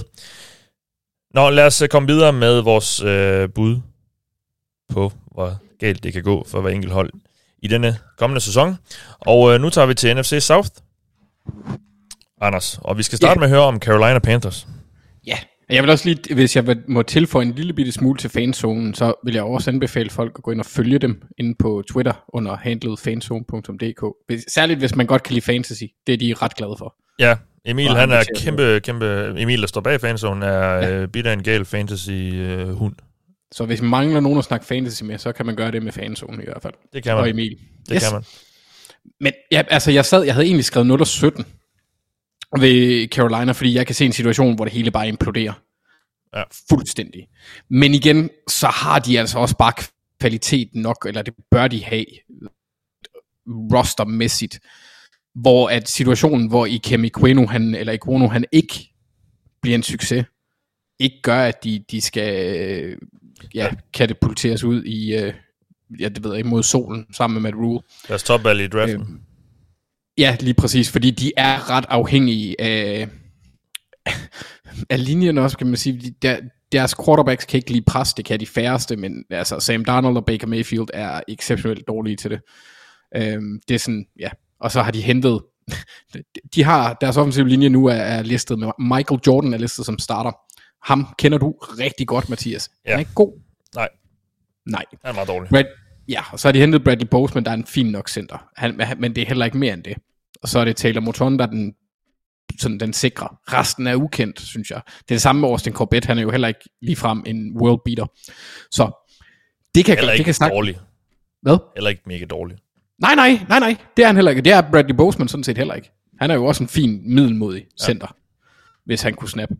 Øh, ja, bitter. Øh, nej, han er en god center. ja. Men de har nogle fremragende våben, men hele, hele, hele quarterback-ting, altså desperationsmoves, øh, trækkene, de har lavet over de to sidste to sæsoner, synes de, de begynder at, at, at, at blive høstet nu, de, de øh, frø, de har sået der. Baker Mayfield er ikke svaret, Sam Darnold er ikke svaret, Matt Rule er ikke svaret. Så ja, man kan jo selvfølgelig komme ud og snakke i, i, i et scenarie, hvor worst case det er, at de klarer sig lige akkurat godt nok til, at han fortsætter. Og så øh, kapitulerer de næste år. Men altså, jeg vil sige, worst case nok 2 og 15. Ja. Øh, et eller andet sted vil jeg også godt gå hen og sige, de har, de har ikke tabt. De har vundet fem kampe de sidste tre sæsoner. Både i den sæson, hvor Rivera han blev fyret, og så også under Rule. Jeg kan godt se, det går ringere i et worst case. Altså han kan tabe hele holdet og blive fyret i, skal vi sige, slut oktober, start november. Det er worst case. Ja. Men du siger to sejre, hvis vi lige skal komme med et bud der. Ja. ja. ja. Okay. Tak for det. Jamen, vi fortsætter med uh, Tampa Bay Buccaneers, og uh, det er mig, der skal snakke om dem, og jeg må indrømme, det er svært sådan at være mega pessimistisk. Uh, det, det er svært at finde svagheder på det her hold, synes jeg. Men på angrebet, uh, at det, jeg ligesom kan se gå galt, det er, at... Uh, Gør det. At linjen er... Nej, ikke, nej. At linjen er... uh, at linjen er skrøbelig. Hele den indvendige del af linjen, de to guards og center, er blevet skiftet ud. Godt nok jo øh, sendt for, for centerens vedkommende, Ryan øh, Ryan Jensens vedkommende, fordi på grund af en skade. Men det betyder altså, at det er i forhold til sidste sæson tre nye spillere, der skal ind der. Og Shaq Mason på højre guard er jo en ganske fin erstatning der, øh, hvis ikke måske endda en lille opgradering. Men det er nye spillere, der skal spilles ind, og, øh, og det er en anden årsspiller, der skal ind og spille center med al sandsynlighed, Robert Hainsey. Og hvordan kommer det til at gå? Altså i et værste tilfælde bliver linjen bare lidt mere øh, usikker. Og når man har en, en ældre quarterback, så, så kan det jo godt få lidt konsekvenser, og ja, der er ingen quarterbacks, der kan lide øh, indvendig pres, men Brady, som jo ikke er verdens mest mobile quarterback, øh, er måske ekstra hvad skal man sige, skrøbelig over for den slags. Så i et værste tilfælde, så, så, kan det altså gøre, at Brady ikke helt kan komme ind i den rytme, som han jo øh, er så god til øh, altid at, at holde kørende øh, på angrebet. Um, og så er der så også lige det, at han jo er 45. Eller han 44. Han, blev, han er blevet 45, er han ikke det? Og han er blevet 45. Ja. Jeg, jeg, de gik helt amok på, at han var 45 på hans fødselsdag. Her. Ja, og det er også sindssygt jo. Især fordi han jo sidste sæson øh, var jeg nærmest var bedre, end han nogensinde har været. I hvert fald mål på, på flere punkter. Øh, eller i hvert fald deroppe af. Øh, men i et værste tilfælde, så begynder Brady bare at se gammel ud. Jeg har ingen rigtig nogen grund til at tro det, fordi han, han modbeviser os jo gang på gang, men, men det er det, der måske kan ske, og som kan gøre, at det her angreb ikke bliver højtflyvende, fordi det tror jeg sådan set, det kan blive, det kan vi jo snakke om i næste uges øh, best case scenario. Øh, men det er de punkter, der er på, på angrebet. På forsvaret, det er godt nok ret solidt på ret mange pladser, men i værste tilfælde, så er det småt med pass rush ud over, over Shaq Barrett. Altså Joe Tryon Shoyenka blæste os jo ikke bagover sidste år, og ja, hvem, hvem skal lige øh, bidrage med så meget mere derudover det, øh, nu hvor øh, Jason Pierre-Paul også er væk. Men jeg synes, det, det er svært at forestille sig, at det her øh, forsvar ikke som minimum er, er middelmådigt eller gennemsnitligt i, i NFL. Der er simpelthen gode spillere på, øh, på de fleste positioner. Så bundniveauet synes jeg ser ret højt ud, og med et forholdsvis overkommeligt kampprogram, så tror jeg, at selv i værste tilfælde, så vinder Tampa Bay Buccaneers i år 9-10 sejre. Vil jeg tro. Fordi øh, så, godt, så godt er holdet bare. Så det er, øh, det er mit bud, og nu kommer hornet. Yes. Og lad os så høre, Thijs, om Atlanta Falcons. Ja, jamen, øh, det er jo også en lidt spøjs situation, de i, kan man sige, fordi det er et hold, der jo på en eller anden måde er startet for, eller forfra i år to af, af Arthur Smiths øh, trænertid hos Falcons. Det er jo ikke noget stærkt hold, Falcons har lige nu. Den offensive linje kan sagtens have en rigtig dårlig sæson, det havde de sidste år, kan man sige. De mangler receiver, især hvis Drake London ikke øh, bryder igennem, så, så det er jo også et worst case. Deres defensive linje er problematisk, pass rushet er måske ligaens dårligste på papiret. Øh, altså det, det, det, kan jo, det kan jo være rigtig dårligt, både offensivt og defensivt. Og derudover kan man jo sige, worst case er jo nok, at at Marcus Mariota starter måske i sæsonen, spiller dårligt, Desmond Ritter kommer ind, spiller også dårligt, og så står du i en situation næste år med øh, et mega dårligt roster, både offensivt og defensivt, øh, og en, du, en trænersituation, du skal finde ud af, om du vil give Arthur Smith endnu et år øh, i, i en eller anden form for genopbygning, og så skal du have finde en ny quarterback. Øh, det, det, det, for mig er det jo nok worst case, det er, at Ritter, han på ingen måde, han er jo kun et tredje rundevalg, så det er jo ikke fordi, at jeg føler, at Falcons er bundet til ham mere end et år som sådan, hvis han ser virkelig dårlig ud i år. Øh, så, så skal de jo ud og finde konkurrence til ham næste år. Øh, så, så for mig er det sådan, en- altså worst case, det er, det er Ritter er dårlig, holdet er dårligt, øh, Arthur Smith øh, får ikke sat sit præg, og, og, og, og den her genopbygning, de skal gå igennem, at den bare bliver hårdere og mere uskøn, end, end man overhovedet øh, man lige havde forestillet sig i første omgang. Så for mig at se, der, der er det det, der kan gå galt. Altså, du skal, begge linjerne skal genopbygges. Øh, Du har stort set kun AJ Terrell og Kyle Pitts tilbage, som er gode spillere på en eller anden måde, og resten er bare enten ældrende eller, eller ikke gode. Det, det, er, det er worst case Ja. for mig Okay. øhm, hos, hos Falcons, og, og det er jo vi er jo nede og snakke, at hvis ikke de har en quarterback, der kan spille fodbold, øh, så kan de jo godt vinde kun oh, øh, tre sejre i år. Altså, det, for, Ja. ja. det må næsten være worst case, tror jeg. Det, Ja. Okay. ja, tre. Øh, og nu ved jeg ikke, hvorfor jeg sagde tre her og fire ved Washington, fordi det er jo nærmest, det kan brænde ned på, på samme niveau. Men jeg synes egentlig trods alt, at Washington har lidt flere kvalitetsspillere Ja. ja. rundt omkring.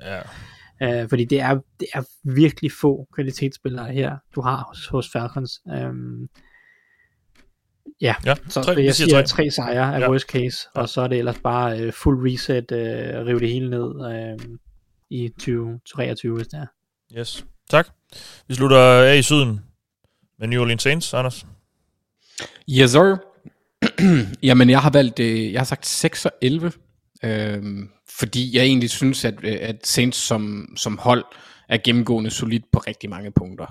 Deres, deres forsvar er godt og bedre, end man tror bliver ved med at spille på et højt niveau, og kan altid undulere Buccaneers. Der er jo to sejre der. Øhm, sagt i spøg. Men, jamen, altså, der er situationer, hvor, hvor der, eller der er store spørgsmålstegn ved rimelig centrale positioner. Vi har James. Er han andet end det, vi tror, han er? En up and down spiller, med, øh, der kan lave alt. Bogstaveligt talt. Øhm, i, en, I den her situation, der er han dårlig. Og backupen er ikke meget bedre. Han- Det er deres tight end. Så øh, det er ikke så godt. O-line er jeg også lidt bange for, fordi der er Trevor Penning altså sat ind til at skulle spille på venstre tackle. Og det er et sats. Ja, det er nogle sjove historier, der kommer af ham.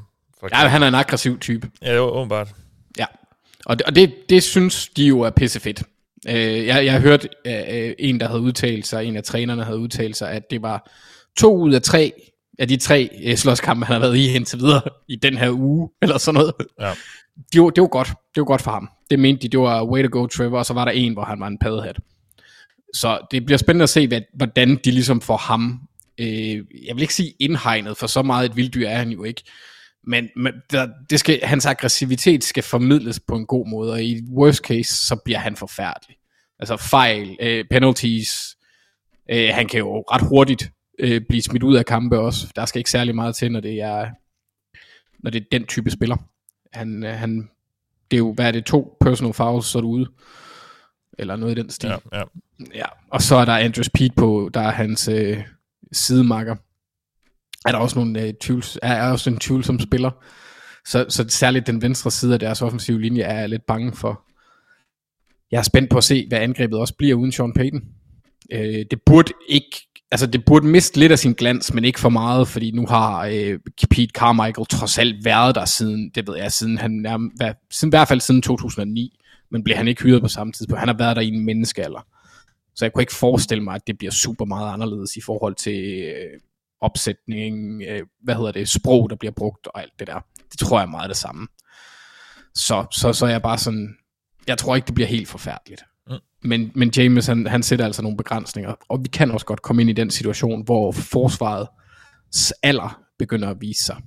For det er, altså, der er stjerner, hvis man lige ser bort fra Lattimore. Hvis man kigger på Cam Jordan for eksempel, han er jo ved at være oppe i alderen. Og han har jo aldrig været en super sack-maskine, men han er bare dygtig. Men alderen kan godt gå hen og blive et problem også. Ja. Så Og du hvis sagde- alderen bliver et problem, Ja, du sagde 6 sejre. det gør jeg. Godt, Der vi døde, hopper... Der døde jeg. Ja, du blev kørt midt over. Um, vi hopper uh, tilbage nordpå til AFC North. Vores allesammens division, må jeg lige vil sige. Uh, og vi starter med Bengals, som jeg jo skal snakke lidt om. Og jeg må jo, altså... Det her, det lyder lidt homeagtigt, men jeg har godt nok svært ved at, at forestille mig, at angrebet ikke som minimum er lige så godt, som det var sidste år. Altså med Burrow, de våben, han har, så... Øh, selv, selv hvis han ikke lige er helt oppe at ringe, som jeg jo ikke engang øh, synes, han var helt sidste år, Burrow i alle kampe i hvert fald, så, så burde det være ret godt. Der er blevet skiftet rigtig meget ud på linjen, men i værste tilfælde, så er den lige så dårlig, som den var sidste år. Og det så vi jo, hvor langt de kom med. Øhm, det kan også være en situation, hvor Zach Taylor stadig lige, som, som jeg har snakket mange gange om, lige mangler det der sidste i øh, at være i sin, i sin måde at kalde spil på. Altså time det rigtigt og, og, og prioriteringer af kast og løb og den der slags. Så, men, men igen, jeg synes, det er svært at, at forestille sig, at, at det her angreb i, er, dårligere end en, en gennemsnitlig angreb øh, i NFL. På forsvaret er det jo, det er jo her, at det ligesom, at Bengals sæson lidt står og falder, fordi kan de holde niveauet fra sidste år, som jo sådan set var ganske højt? Det er jeg ikke så sikker på.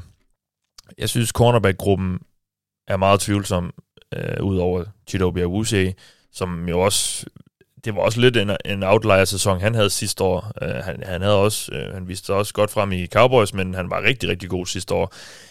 det er ikke sikkert, at han kan holde det, og bag ham, altså i værste tilfælde, så Cam Taylor Britt, der er blevet kommet ind, han er rookie, uh, Eli Apple, puha, det kan altså godt blive, blive halvgrimt, tror jeg. Um, jeg synes også, der mangler der mangler pass rush, der mangler generelt dybde flere steder på, på forsvaret, men, men pass rush, altså i, i worst case, så, så er det kun uh, Trey Hendrickson, der ligesom rigtig kan komme med noget.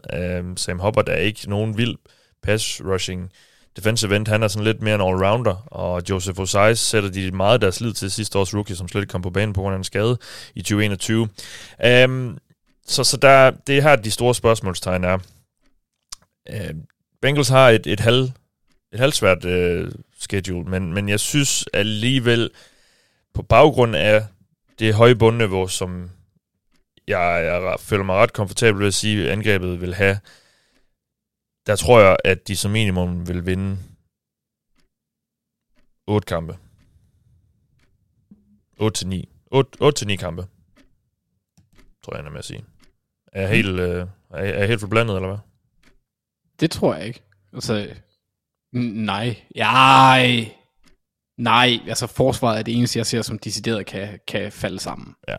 Ja, men det er sådan, har det. Altså, det gør det jo så måske også lidt i det her tilfælde, men jeg tror stadigvæk, det, det vil blive 8-9 sejre. Angrebet bør være godt nok til at kunne bære dem. Ja. Yes. Godt. Jamen, øh, lad os gå videre og høre om øh, dine Steelers, Thijs. Ja, og det er nok det hold, der har det laveste bundniveau i AFC North, vil jeg tro. Det er der, hvor der er mest, der, der kan gå galt. Og, og det handler ja. jo og det, det lyder jo, for det første er det sådan paradoxalt at sige, fordi det er aldrig rigtigt at gå galt for Mike Tomlin i de, uh, ja, hvad bliver det, 15, 16, 15 sæsoner, han har været head coach nu, eller noget stil. Nej, der er bundniveauet jo altid meget højt. Det har det været, men man har også altid haft en eller anden quarterback, som man vidste, hvilken størrelse, altså hvad, hvad var for en størrelse, ikke? Og det har man bare ikke i år. Øhm, så, altså, worst case er relativt dårligt, fordi at quarterback-situationen, og, og det, det hjælper heller ikke, at øh, efter sine, øh, når jeg følger med i forskellige øh, training camp tweets og artikler og sådan noget, så er der ikke rigtig nogen af de tre, der imponerer ret meget. Øh, altså de tre, det er Mitch Trubisky, Mason Rudolph og, og Kenny Pickett. Jeg så det er jo... Øh, jeg skulle lige til at spørge, om du stadig faktisk følger med. fordi det, ja. det er ikke kønt det man hører. Øh, der er ikke mange sådan positive, ja, her de ser gode ud-agtige uh, tweets.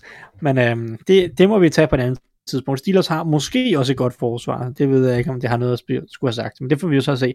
Men altså, forsvaret var jo ikke noget særligt sidste år. Og så mange spillere har de heller ikke tilføjet. De har fået Miles Jack ind, og så laver vi Ogunjobi, og så Tyson Alu tilbage fra skadet, basically. Øh, resten er, er nærmest en til en, øh, med, med, med lidt på foråret. Men det, ja, altså, så, så det er jo ikke fordi forsvaret behøver at være meget bedre. Det kan sagtens være lige så øh, ringe, især mod, som det var mod løbet sidste år. Øhm, så det kan jo være rent, ganske middelmodigt. og så hvis angrebet så er, er dårligt, fordi de ikke har nogen quarterback, og den offensive linje i forvejen er, er yderst tvivlsom øh, og usikker, så, så kan det jo gå, gå ganske galt. Øh, så kan Steelers sagtens draft i, i top 10. Øh, ja, altså hvis jeg sad og kiggede på den ta- talentmasse, som Steelers har, og, og de usikkerhedspunkter, de har, så vil jeg have sagt, at de kan sagtens, øh, altså deres minimum er, eller deres worst case er sådan noget fire sejre-agtigt ja. øh, og Kenny Pickett ikke kommer ind og spille. Men, men, men må ikke Mike Tomlin, han alligevel får skrabet fem eller seks sejre hjem. Øh, men altså worst case, lad os sige øh, fem sejre, og Kenny Pickett øh, ser awful ud. Øh, så, så har vi en rigtig skidt sæson for Steelers. Ja. Ja, tak for det. Baltimore Ravens, Anders. Ja, jamen altså worst case, det skete sidste år, og jeg kan ikke rigtig se en situation, hvor det bliver værre. Så jeg har valgt at sige 8 og 9 som uh, worst case, ligesom dig, Mathias. 8-9 øh, sejre, eller hvad? Ja. Nå ja, for pokker da, jeg kan ikke engang lidt... Nej, nej, nej, 8 9. Altså 8 sejre? Ja. Ja, okay. Ja. ja. Øhm, altså jeg kan, jeg, jeg kan se den samme situation lidt, som jeg, jeg penslede ud for, for Philadelphia. Dog synes jeg, at Philadelphia har en bedre roster, mens Ravens har et bedre quarterback. Men altså problemerne kan være lidt af det samme hvor at, at vi bliver for afhængige af løbespillet, og det ligner også lidt til, at de træk, der er blevet taget her i offseason, i hvert fald på angrebet, er øh, taget med henblik på at, at, at stille op tungt, tror jeg. Jeg er afhængig af selvfølgelig, hvordan de vil bruge de forskellige tight ends, eller tight ends, men jeg ved ikke, hvorfor jeg begyndte at sige det på den forkerte måde. Jeg kan ikke lade være. Der er ikke nogen forkert måde. Nej, det er rigtigt. Vi er meget inkluderende, det er de andre, der er dumme. Ja. Øhm, det var vist en, en oxymoron. Men ja, jeg, jeg, jeg, jeg, jeg, jeg, jeg i, i, i et worst case, den offensive linje, venstre guard, vi finder ikke en fuldgod erstatning. Øh, Tyler Linderbaum har for svært ved, at, altså han er for påvirket af sin størrelse, øh, til at blive super, super dygtig i første år. Ronnie Stanley, enten så kommer han ikke tilbage, eller så er han ikke tilbage i fuld vi gør, og det kommer til at have en effekt, særligt når vi nu bliver, som jeg forventer, bliver ret afhængig af løbebolden også, i hvert fald kun løbebolden for i senesæt kastet. Øhm, så står vi tilbage med en linje, der har så mange ubekendte, at det kun vil være Kevin Seidler, der var med sidste år øh, er nævneværdige starter. Man kan jo godt sige, at Ben Cleveland og Ben Powers fik nogle kampe, men øh, øh, altså, der er Cleveland nok den eneste, man kan håbe bliver en habil starter. Men altså, ligesom worst case for Jaguars, så er det ikke resultat bestemt for mit vedkommende. For Ravens optik, eller, eller i, i Ravens. For Ravens er det spilleren Lamar Jackson. For, og jeg synes også, at det skal jeg lige sige, de ligger på et andet grundniveau end Jaguars. Det er ikke det samme. Men altså, de bør være en contender. Bliver de ikke det, er det ikke det værste i verden. Det er selvfølgelig super ærgerligt. Fordi det vil øjensynligt, hvis, hvis det ikke sker i år, så vil det være den sidste sæson, hvor vi har en billig Lamar. Men hvis han ikke udvikler sig mere, bliver en mere effektiv kaster, viser lidt af det, han viste i, øh, i 2011, øh, undskyld, 19, hvor han blev MVP, hvor at han, ja ja, han løb elektrisk, men hold kæft, hvor var han også bare effektiv til at uh, kaste bolden, og han førte ligaen i kastet touchdowns. Det, det, det skal vi se lidt mere af på det punkt. Så, så det vil være worst case for Ravens i forhold til, øh, til det, fordi det minimerer mulighederne for fremtiden, fordi han er fremragende, han er fremragende quarterback, mm. men holdet skal have en vis kvalitet for at være contenders, hvis han er så afhængig af løbet. Og jeg vil gerne se en situation, hvor at han ikke er. Tak for det. Du nåede det lige igen. Vi er nået til Cleveland Browns, og jeg vil faktisk gøre det ret hurtigt, fordi der er simpelthen så meget uvidshed om, hvad vi kommer til at se, jo selvfølgelig først og fremmest var deres angreb på grund af uvidsheden omkring Watson. Så jeg vil egentlig kun lige sige lidt om forsvaret, som vi nok øh, sådan, kan tillade os at spå mest om. Jeg synes, øh, det er svært at, forestille sig, at, at det her hold selv i, i værste tilfælde er, øh, eller det her forsvar selv i værste tilfælde er, er dårligere end middelmåde. Altså, de kommer, i, i den værste tænkelige sæson bliver det en, sådan et, en enhed, der ligger cirka midt i, i rangeringen, altså noget 16, 17, 18, noget måske være set. Det, det, det er ret godt besat på de fleste positioner. Miles Garrett er der jo selvfølgelig måske lidt sådan, hvem skal lige, øh, hvem skal lige bistå ham med, med at jagte quarterbacken? Der kan måske godt mangle sådan lidt nogle trusler der. Men det er, de har rigtig solide spillere. Øh, JOK, øh, linebackeren, øh, er, er vi glade for. Øh, I defensive backs gruppen er der flere gode spillere, men måske lidt spørgsmålstegn om, hvad, hvor god er Grand Delpit og Greedy Williams er, kan være lidt uh, shaky også måske. Um, de har et semi-nemt kampprogram, og jeg vil som sagt, jeg vil, jeg vil gøre det ret hurtigt det her. Jeg tror, bliver det med Jacob Brissett i de første seks kampe, tror jeg worst case hedder sådan noget 5-6-7 sejre, 5-6 sejre, 6-7 måske. 5-6, ja, ja, Brissett er bare ikke særlig spændende, og hvem skal han lige også kaste? Det, der er selvfølgelig Donovan Peoples-Jones og Mary Cooper, men jeg synes ikke, det er sådan... Det, det, det er nogle lidt upålidelige mål, der er på, på angrebet. Um, så worst case med, med Brissett i de første 6 kampe, 5-6 sejre. Worst case med Watson i 11 kampe, altså han vender tilbage efter de 6 kampe. Så er det måske sådan noget 7-8 sejre. Jeg ved ikke, om der kan være et scenarie, hvor Watson på grund af nogle appeller og sådan noget kan ende med at spille hele sæsonen. Det, det, som jeg forstår, det er der måske ikke helt, men hvis det skulle ske, er det, tror jeg, vi er helt op på sådan noget 9-10 sejre, hvis han spiller, i, selv i værste tilfælde. Fordi hold så godt er Browns' hold, vil jeg egentlig sige. Så det er jo sådan lige en hurtig gennemgang, øh, men det, det er jo meget svært at spå om, hvad det bliver for et Browns hold, vi kommer til at se i år. Øh, fordi deres vigtigste position øh, ved vi ikke, hvem der skal besætte. Så lad os op til NFC West og høre om øh, Arizona Cardinals, Thijs. Ja, og, øh, og det er en sjov en. Fordi, fordi Cardinals er jo et, et interessant hold, har haft en lidt turbulent offseason, men nu har de jo så end, endelig fået Kyler Murray øh, under kontrakt for fremtiden, og det giver måske lidt ro på. Men det er stadig et hold, som sådan... Øh, jeg, jeg har dårlige vibes øh, omkring den lidt, øh, både på grund af den her uro om Kyler Murray, og, og ja, kan de forløse ham, og så er der noget Hopkins, der har karantæne, og Øh, altså, de har ikke en eneste sådan for alvor proven cornerback. Jeg ved godt, Byron Murphy havde øh, i Glimt sidste år øh, en god sæson, men ja, det, det her forsvar, når jeg sidder og kigger ned over det, jeg er sådan lidt, hvem er det, der skal bære det her forsvar? Altså, der er jo, der er jo en god spiller i, i, i Buda Baker, øh, men ja, så, øh, øh, øh, vi har jo brug for, at Isaiah Simmons eller Savin Collins gør noget. J.J. Watt er langt op i årene, og ja, jeg, jeg er bare, jeg synes bare, der er dårlige vibes, fordi vi har også bare set det her hold sådan, ja, have high high og low lows, øh, og sådan være meget svingende, og det falder lidt fra hinanden, og i løbet af sæsonen, og kan Cliff Kingsbury, kan han sammensætte en helt god sæson, og ja, hvor galt kan det gå for, for Cardinals? Altså, fordi jeg på en eller anden måde føler, at jeg godt, det kan gå lidt galt. Øh, lidt mere galt, end det måske talentmæssigt burde kunne gå galt. Øh, fordi det bare... Ja, jeg synes ikke, at træneren eller quarterbacken virker som måske den karat af ledere, som så skal til for, at, at bunden ikke falder ud på et hold. Øhm, i, altså i, i værste fald. Så ja, jeg har lyst til at gå helt ned og sige fem sejre for Cardinals, det er worst case. Altså, fordi 49ers er gode i den division. Ja. Rams er gode i den division. Jeg ved godt, Seahawks ikke nødvendigvis er gode i den division. Men du kan bare hurtigt tabe fire kampe i divisionen, og hvis Murray han ikke helt lige har den sæson, man håber på, den offensive linje, som har nogle usikkerhedspunkter, ser skidt ud, øh, du mangler virkelig måske en Hopkins i receivergruppen, Marquise Brown, han slår ikke igennem, nu har du betalt i første rundevalg for ham.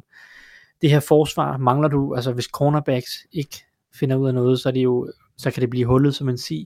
Det er bare sådan, det kan egentlig gå galt ret mange steder, og hvis man så kombinerer det, øh, og det er bestemt realist, realistiske steder, det kan gå galt. Hvis du kombinerer det, så, så ser det sort ud, fordi jeg synes heller ikke, jeg har set Kyler Murray sådan tage et helt hold på sine skuldre og bare være sådan, nu, øh, nu bærer jeg også til 8-9 sejre. Det, det har jeg ikke helt set fra ham endnu, selvom Nej. at han har haft rigtig gode perioder. Øhm, så, så jeg siger fem sejre, tror jeg. Fem sejre. Og, og, og sådan en rigtig lortesæson, hvor de, hvor de skal ud og skifte træner og lidt rebuild bagefter. Okay. Det var da voldsomt. Bare det at misse slutspillet vil jo være en, en rigtig skidt sæson for dem. Ja, Men, øh, ja, ja, ja. Jamen, de, de, de er jo nærmest sådan lidt i, i win-now-mode, selvom det godt nok er en lidt spøjs udgave Ja. af det. Nå, øh, tak for det, Thijs. Vi skal høre om øh, 49ers nu, Anders. Altså min tilgang til 49ers, det var egentlig, at jeg gik ind og kiggede, hvad er det dårligste Kyle Shanahan han har præsteret i sin tid hos 49ers. Og det var 4 og 13. Og, og det skrev jeg så ned som en mulighed. Ja. Men jeg synes nu også, øh, vi er ret gavmilde med nederlag, eller med, med sejrene i worst case her. Ja, Jeg, jeg, jeg, altså, i, jeg kan godt se en worst case, for eksempel, hvor Cardinals bliver dårligere end, end fem sejre. Synes vi er søde, egentlig. Og det er måske også, fordi vi er mere realistiske, end vi var førhen. Eller jeg var. Ja. Så jeg vil måske sige, hvis Cardinals uh, worst case er fem sejre, så er 49ers 6. okay. Fordi jeg forventer, at forsvaret har et niveau, der er øh, konsistent og højt nok, til at de, de kan vinde lidt flere kampe end, end Cardinals. Cardinals kan falde sammen på flere måder, synes jeg. Altså sandsynligheden for, at de gør det er større, så jeg vil ikke sætte Fort Niners under Cardinals i den optik. Selvom det er fristende, fordi jeg har fået en ny hobby, og det er at pisse Fort, øh, Fort Niners fans af. Det synes jeg er skægt nu. Så det vil jeg gerne. Også, Øh, vi, vi er men jeg gode skal- til det. Hvad? Vi er gode til det. Ja, det er åbenbart. Nej, der skal heller ikke så meget til, at det er nok også mest sagt i på, skal man sige. på, på. Ja, ja, men det ved de. Mig og Christoffer, vi siger ting med klemt i øjet. Øhm, men altså, der er rigtig meget hype omkring det, og på, på angrebet, det er sådan set der, jeg kan se de største problemer være. Øh, spørgsmålet er, er Trent Williams klar til start? Det er ret vigtigt for dem, fordi den offensive linje er godt nok huh, den indvendige del med, med rookien fra sidste år, Aaron Banks. Så har vi Jake Brendel på, på center, og så øh, en rookie i år lige nu, Spencer Buford, der blev taget i fjerde runde, står listet som højre guard. Øh, Monique Daniel Brunskill, han, han, han øjensynlig er foran ham. Men mm, det er sgu svært at se. Altså, jeg kan godt se et, en situation, hvor den offensive linje er dårlig. Trey Lance er meget mere usikker, end vi tror. Øhm, der er også begyndt at komme hype omkring ham, synes jeg. Jeg vil gerne lige se det, før jeg tror det. Men det kan virkelig gå galt på angrebet. Uh, han, kan være, uh, han kan vise sig at være en lige så dårlig quarterback som, fanden, hvad, var, hvad var det, han hed? Uh, uh, uh, CJ Beathard. Altså, vi mm. ved det ikke. Um, og det kan, der kan godt være en situation, hvor at NFL bare er for svært for ham i hans første år på banen. Uh, eller som kontinuerlig starter. Ja. Så det kan jeg godt gå hen og se blive et problem. Men forsvaret har jeg svært ved at se falde sammen, selvom jeg er sådan lidt iffy omkring deres, øh, deres cornerback-situation, selvom de hentede øh, Chad, Chavarius, jeg skulle til at sige Chadarius Ward fra, fra, fra Chiefs, og så har Mosley på den anden side. Men, altså, ja, det, det er stadigvæk det er stadigvæk nogle, en, en, nogle spillere og en gruppe, der kan, der kan udnyttes, også selvom safety er fine med, med Ward og Tart. Men, nej, bare Ward. Ja. Men jeg siger, jeg siger 6 og 11. 6 og 11. Og det er på angrebet, det går galt. Ja, ja. Godt. Jamen, øh, vi er nået til Seattle Seahawks, og dem tager jeg mig af. Og øh, jeg synes egentlig ikke, det er svært at forestille sig, at det her angreb i værste tilfælde kan være et af ligens fem dårligste. Jeg tror, det er sandsynligt scenarie, at det er et af ligens 10 dårligste. Men øh, altså, uanset hvem der bliver quarterback, så bliver det jo en, en ret dårlig en af slagsen. True Lock eller Gino Smith. Så det er ikke særlig godt. Linjen øh, ser ret sløj ud, og i værste tilfælde er den decideret ringe. Så er der selvfølgelig Tyler Lockett og, og, og DK Metcalf, men øh, hvor fedt er det, når hvis den dårlige quarterback ikke rigtig er beskyttet. Så jeg tror, det her angreb øh, kan blive rigtig, rigtig dårligt. På forsvaret ser øh, pass rushet ret sløjt ud, og øh, der er godt nok også langt mellem snapsen i, øh, i cornerback-gruppen. Det er svært at finde sådan rigtig sjov spillere på det her forsvar. Um, så med et halvsvært kampprogram, som Seahawks uh, står til her, fordi de også er en, i en uh, svær division, så er vi helt nede i, i bunden her. Øh, det her det er de hold, der sagtens kan ende med at, at vælge først i næste års draft. Jeg har sagt 2-3 sejre, fordi det stadigvæk er svært at gå igennem en 17-kamp sæson, uden at, uden at bolden hopper den rigtige retning i, i, i en eller to kampe. Så, så jeg vil sige uh, to til tre kampe. Uh, nu, nu sidder jeg faktisk lidt og spekulerer på, om jeg skal sige en til to. Fordi så, så ringe tror jeg, det kan blive. Nej, to til tre. Lad os sige det. det er trods alt svært at tabe så mange kampe også. To til tre sejre, siger jeg til Seahawks. Og lad os uh, så ile videre. Og høre om uh, de forsvarende Super Bowl-mestre. For Rams, Thijs. Ja. Jamen, det, det, det kan jo ikke gå helt galt i, i, hos Rams. Altså nu man kan selvfølgelig sige, jeg ved ikke helt, om vi må snakke om Matthew Stafford og hans øh, umiddelbart øh, lidt defekte albu. Øhm, fordi det er jo selvfølgelig, det er en skade, vi allerede kender til. Øh, men det er jo svært, og det er fuldstændig uvist, om det overhovedet ender med at have nogen som helst form for indflydelse på hans spil.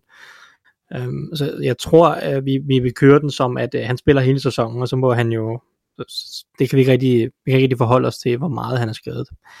Men altså, det, problemerne, tror jeg, for Rams kan opstå et par steder.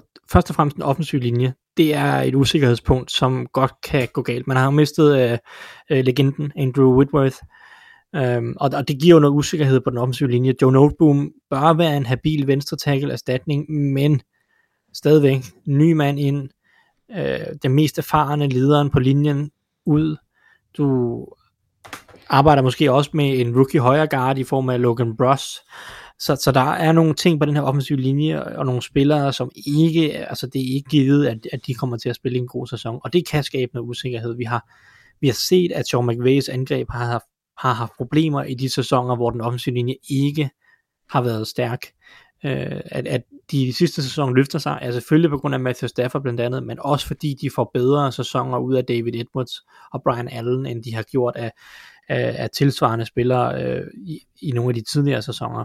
Så den offensive linje kan halte, og forsvaret har mange gode spillere, men der er også stadig usikkerhedspunkter på, på linebacker. Er Bobby Wagner god? Øh, pass rushet måske mest af alt. Hvordan erstatter man en Von Miller? Lige nu er, er det Leonard Floyd og Justin Hollins formentlig som skal skabe det primære pres ud over Aaron Donald, at det godt nok for et hold, der gerne vil vinde Super Bowl.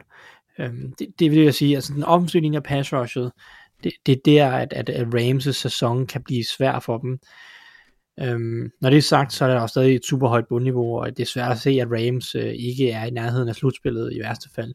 Så, så jeg siger, øhm, jeg siger worst case for Rams er ni sejre, hvis Matthew øh, Stafford spiller, Mm. øh, og ellers øh, kan spille nogenlunde skadesfri.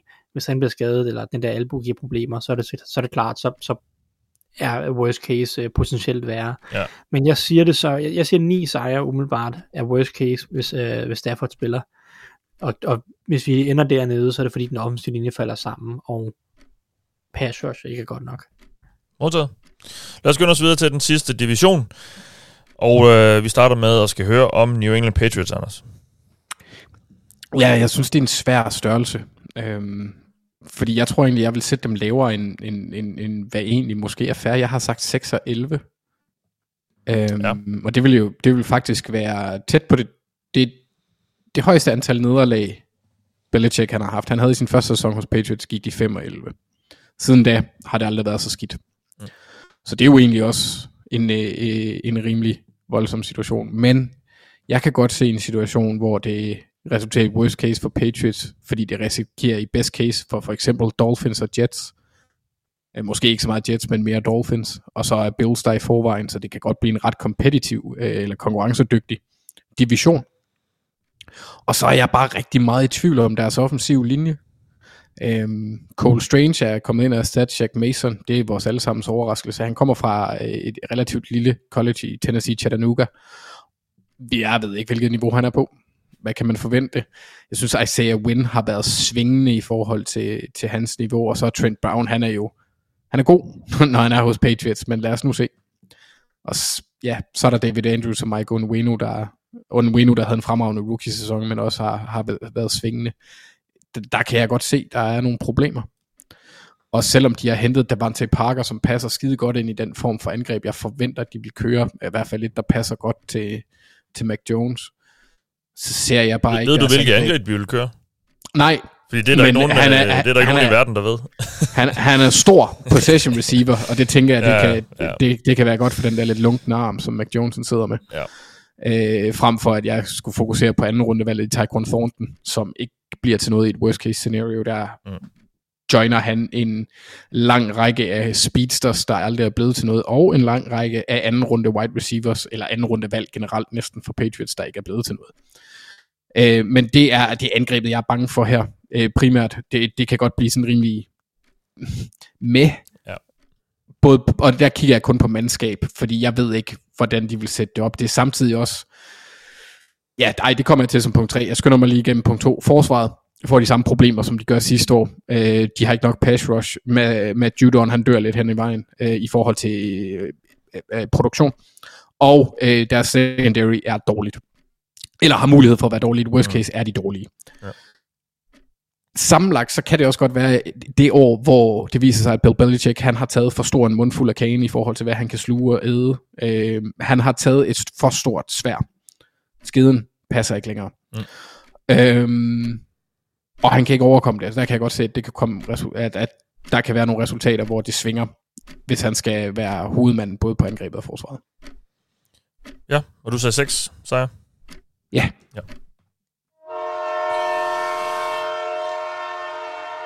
Der går jo meget, meget øh, at forlydnerne fra, fra training camp angående det her angreb er jo ikke så gode. Øh, men det bliver spændende at se, hvad Matt Patricia han kan finde på. Ej, det skulle jeg nok, ikke grine. Nå, lad os høre lidt om, øh, om Buffalo Bills, og det har jeg fået æren af. Jeg, jeg har faktisk, og det, det er rent tilfældigt, men jeg har faktisk fået en del af, af de, de, sådan, de bedre hold. Øh, men Bills, altså, ja, det, det, det, ligesom det var med Buccaneers, så er det, så er det svært at, øhm, at være sådan rigtig pessimistisk angående Bills. Det er simpelthen bare et virkelig, virkelig godt hold, de har. Øhm, men hvis vi virkelig tager de pessimistiske briller på, så falder Josh Allen lidt i niveau, og, og lidt tilbage i det der hensynsløse spil, som han startede øh, ud med i karrieren. Det er sådan, det er worst case, tror jeg. Øhm, og han vil også i værste tilfælde være lidt for afhængig af, af Stefan Dix. Altså, der er Gabe Davis, det ved jeg godt, men så er der kommet lidt udskiftning. Cole Beasley er væk. Kan han, har han lige den samme kemi med dem? det lyder det jo til, at han, han lidt har i for training camp. Øhm, men altså, det, det, det kan måske være noget af det, der gør, at han ikke lige helt kan ramme samme niveau, som han kunne øh, sidste år. Der er også lidt spørgsmålstegn på linjen, synes jeg, højre side især ser sådan lidt lidt halvtvivlsom ud, især i et værste tilfælde, som, som det her jo er. Så, men, men altså, jeg kan simpelthen ikke, jeg kan ikke, jeg kan simpelthen ikke forestille mig, at det her angreb ikke bliver et top 10, top 12 angreb, selv hvis det ikke rigtig lige øh, rammer de helt høje navne. Til det er der simpelthen bare for gode spillere. Josh Allen er for god. Ja, skill position spillerne er for gode. Linjen er, er, er, er solid. Bundniveauet bør, bør være forholdsvis højt der også. Så jeg tror, uanset hvad, det bliver et, et ret godt angreb. Og forsvaret, som jo ud fra mange parametre var det bedste i NFL sidste år, er jo heller ikke blevet værre. Tværtimod, øh, Von Miller er kommet ind. Øh, han, I værste tilfælde begynder han måske at se lidt gammel ud. Det, det gør han jo. Han er, han er jo allerede faldet lidt i niveau for det, vi så fra, fra Broncos-årene, men han kan måske ikke lige helt komme med det der ekstra, som, som de, de har hentet ham til. Øhm, og så er der jo især, som er det helt store spørgsmålstegn, og måske det eneste spørgsmålstegn reelt ved Bills' hold i år, altså cornerback-gruppen Trey White, misser for min sæsonstarten jo. Og det, der er bag ham, er bare øh, ikke særlig lovende. Altså, der, jeg synes, jeg læste noget med, at Kaje Elam, første rundevalget i år, ikke har set specielt god, god ud i camp, og har lidt svært ved at få førsteholds øh, reps. Så, så, så der, kan, der kan altså være noget der, der, der kan blive et, en svaghed for det her forsvar, som det kan føre til nogle store spil for, for modstanderne osv.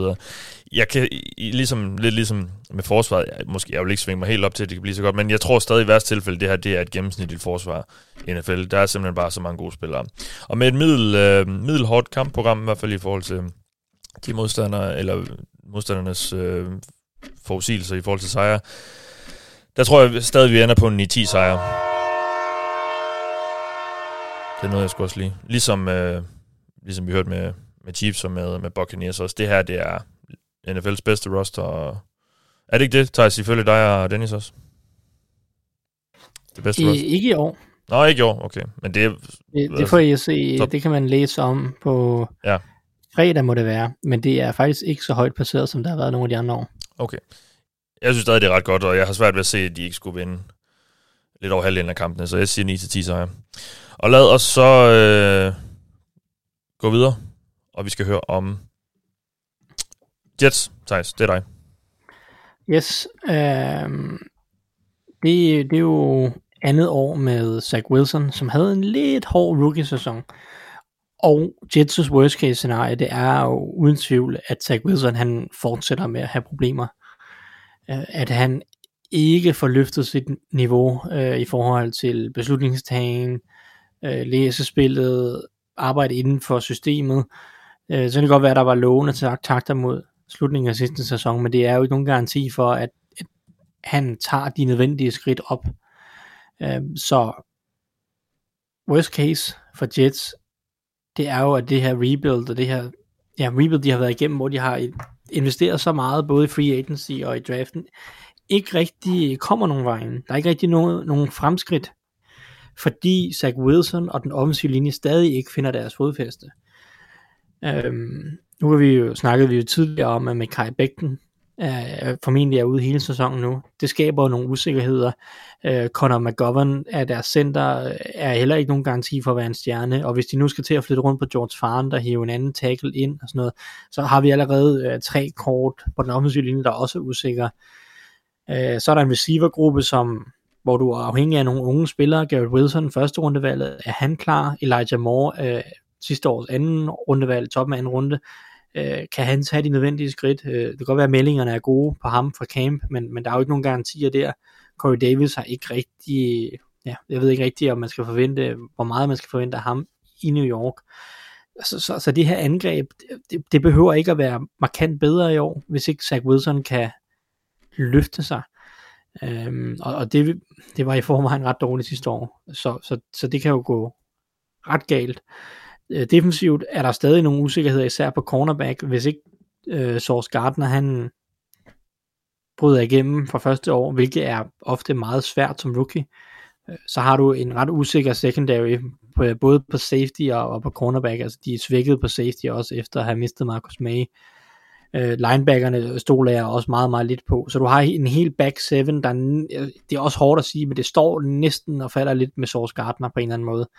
Øh, mm, så, så, så forsvaret kan sagtens få problemer igen, også selvom du har nogle gode spillere op foran.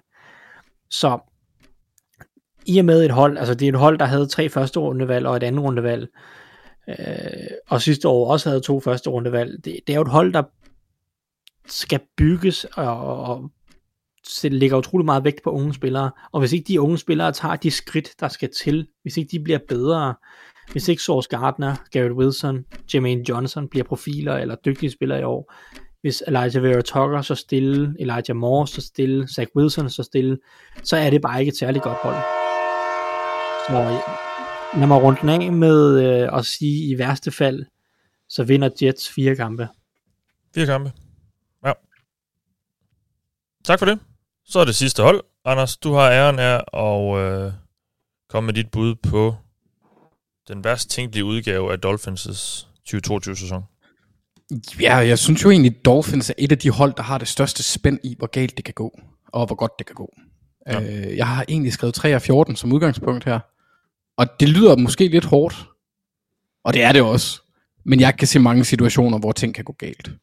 Hvis vi starter med angrebet, så har vi en offensiv linje, der forhåbentlig er bedre, men også stadigvæk er ret afhængig af en spiller, der har lidt af skadesproblemer, og det ved jeg godt, vi skal gå ud fra, at de ikke er det, men Teron Armstead, han misser kampe hvert år. Mm. Øhm, Austin Jackson er angiveligt blevet bedre, han skal stadigvæk spille. Det, den offensive linje gælder ikke i den her situation. Og øh, så er det lige meget, at du har hurtige spillere. Det, det, nå, ja, det er måske ikke lige meget, de kan bare ikke, øh, de kan ikke gå dybt på samme måde, der sætter det et pres på Tyreek Hill og Jalen Waddle og Cedric Wilson. De skal skabe noget selv. Ja.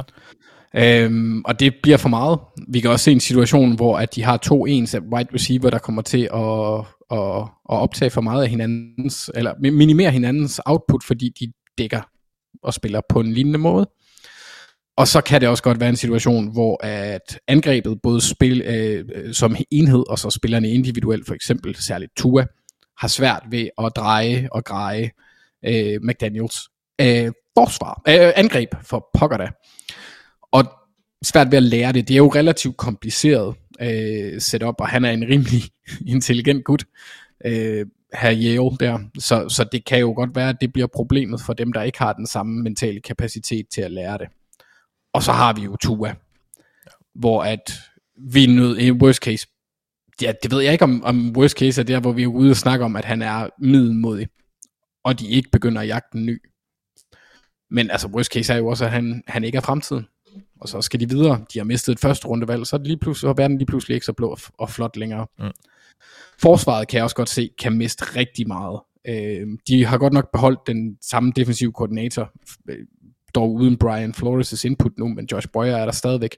Den bagenden er rigtig god, eller burde være god i opdækningen. Vi kan godt få problemer med, med pressure, med pres på quarterbacken.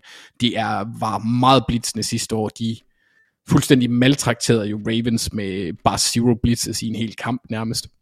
Så det er også et hold, der har spiller, hvor spillermaterialet gør, at det skal sættes op. De har Jalen, uh, Jalen uh, Phillips, der kan være en individuel dominerende pass rusher.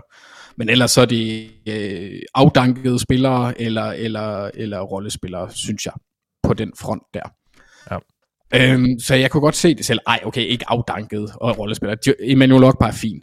Men, men det, er ikke, det er ikke elite, det er ikke det, der rykker det. Så jeg kan også godt se forsvaret miste værdi, eller miste niveau. Og hvis forsvaret angrebet ikke er særlig god, så kan jeg godt se en situation, hvor de kun vinder fire kampe. Tre kampe. Tre? Ja. Du sagde tre, ikke? Jeg sagde tre. Ja, ja, ja. Godt. Jamen, øh, det var vores gennemgang af holdene. Næste uge gør vi det igen. Men så er det altså med klaphat og... Øh er det samme horn. Hornet er nok også med der, men øh, det, det bliver lidt mere mundret, nok formentlig, vil jeg synes, derude i den anden ende. Øhm, så ja, det var det for den omgang. Vi er, vi er tilbage igen i næste uge, og ugen efter det, og ugen efter det igen også, fordi nu er der, nu er der ikke flere pauser i år. Nu er det full-blown football time. Sæsonen nærmer sig, og øh, vi skal nok tage i hånden hele vejen. I den omgang har du lyttet til mig, jeg hedder Mathias Sørensen. Med mig har jeg haft Anders Kaltoft og Thijs Johanger. Vi lyttes ved.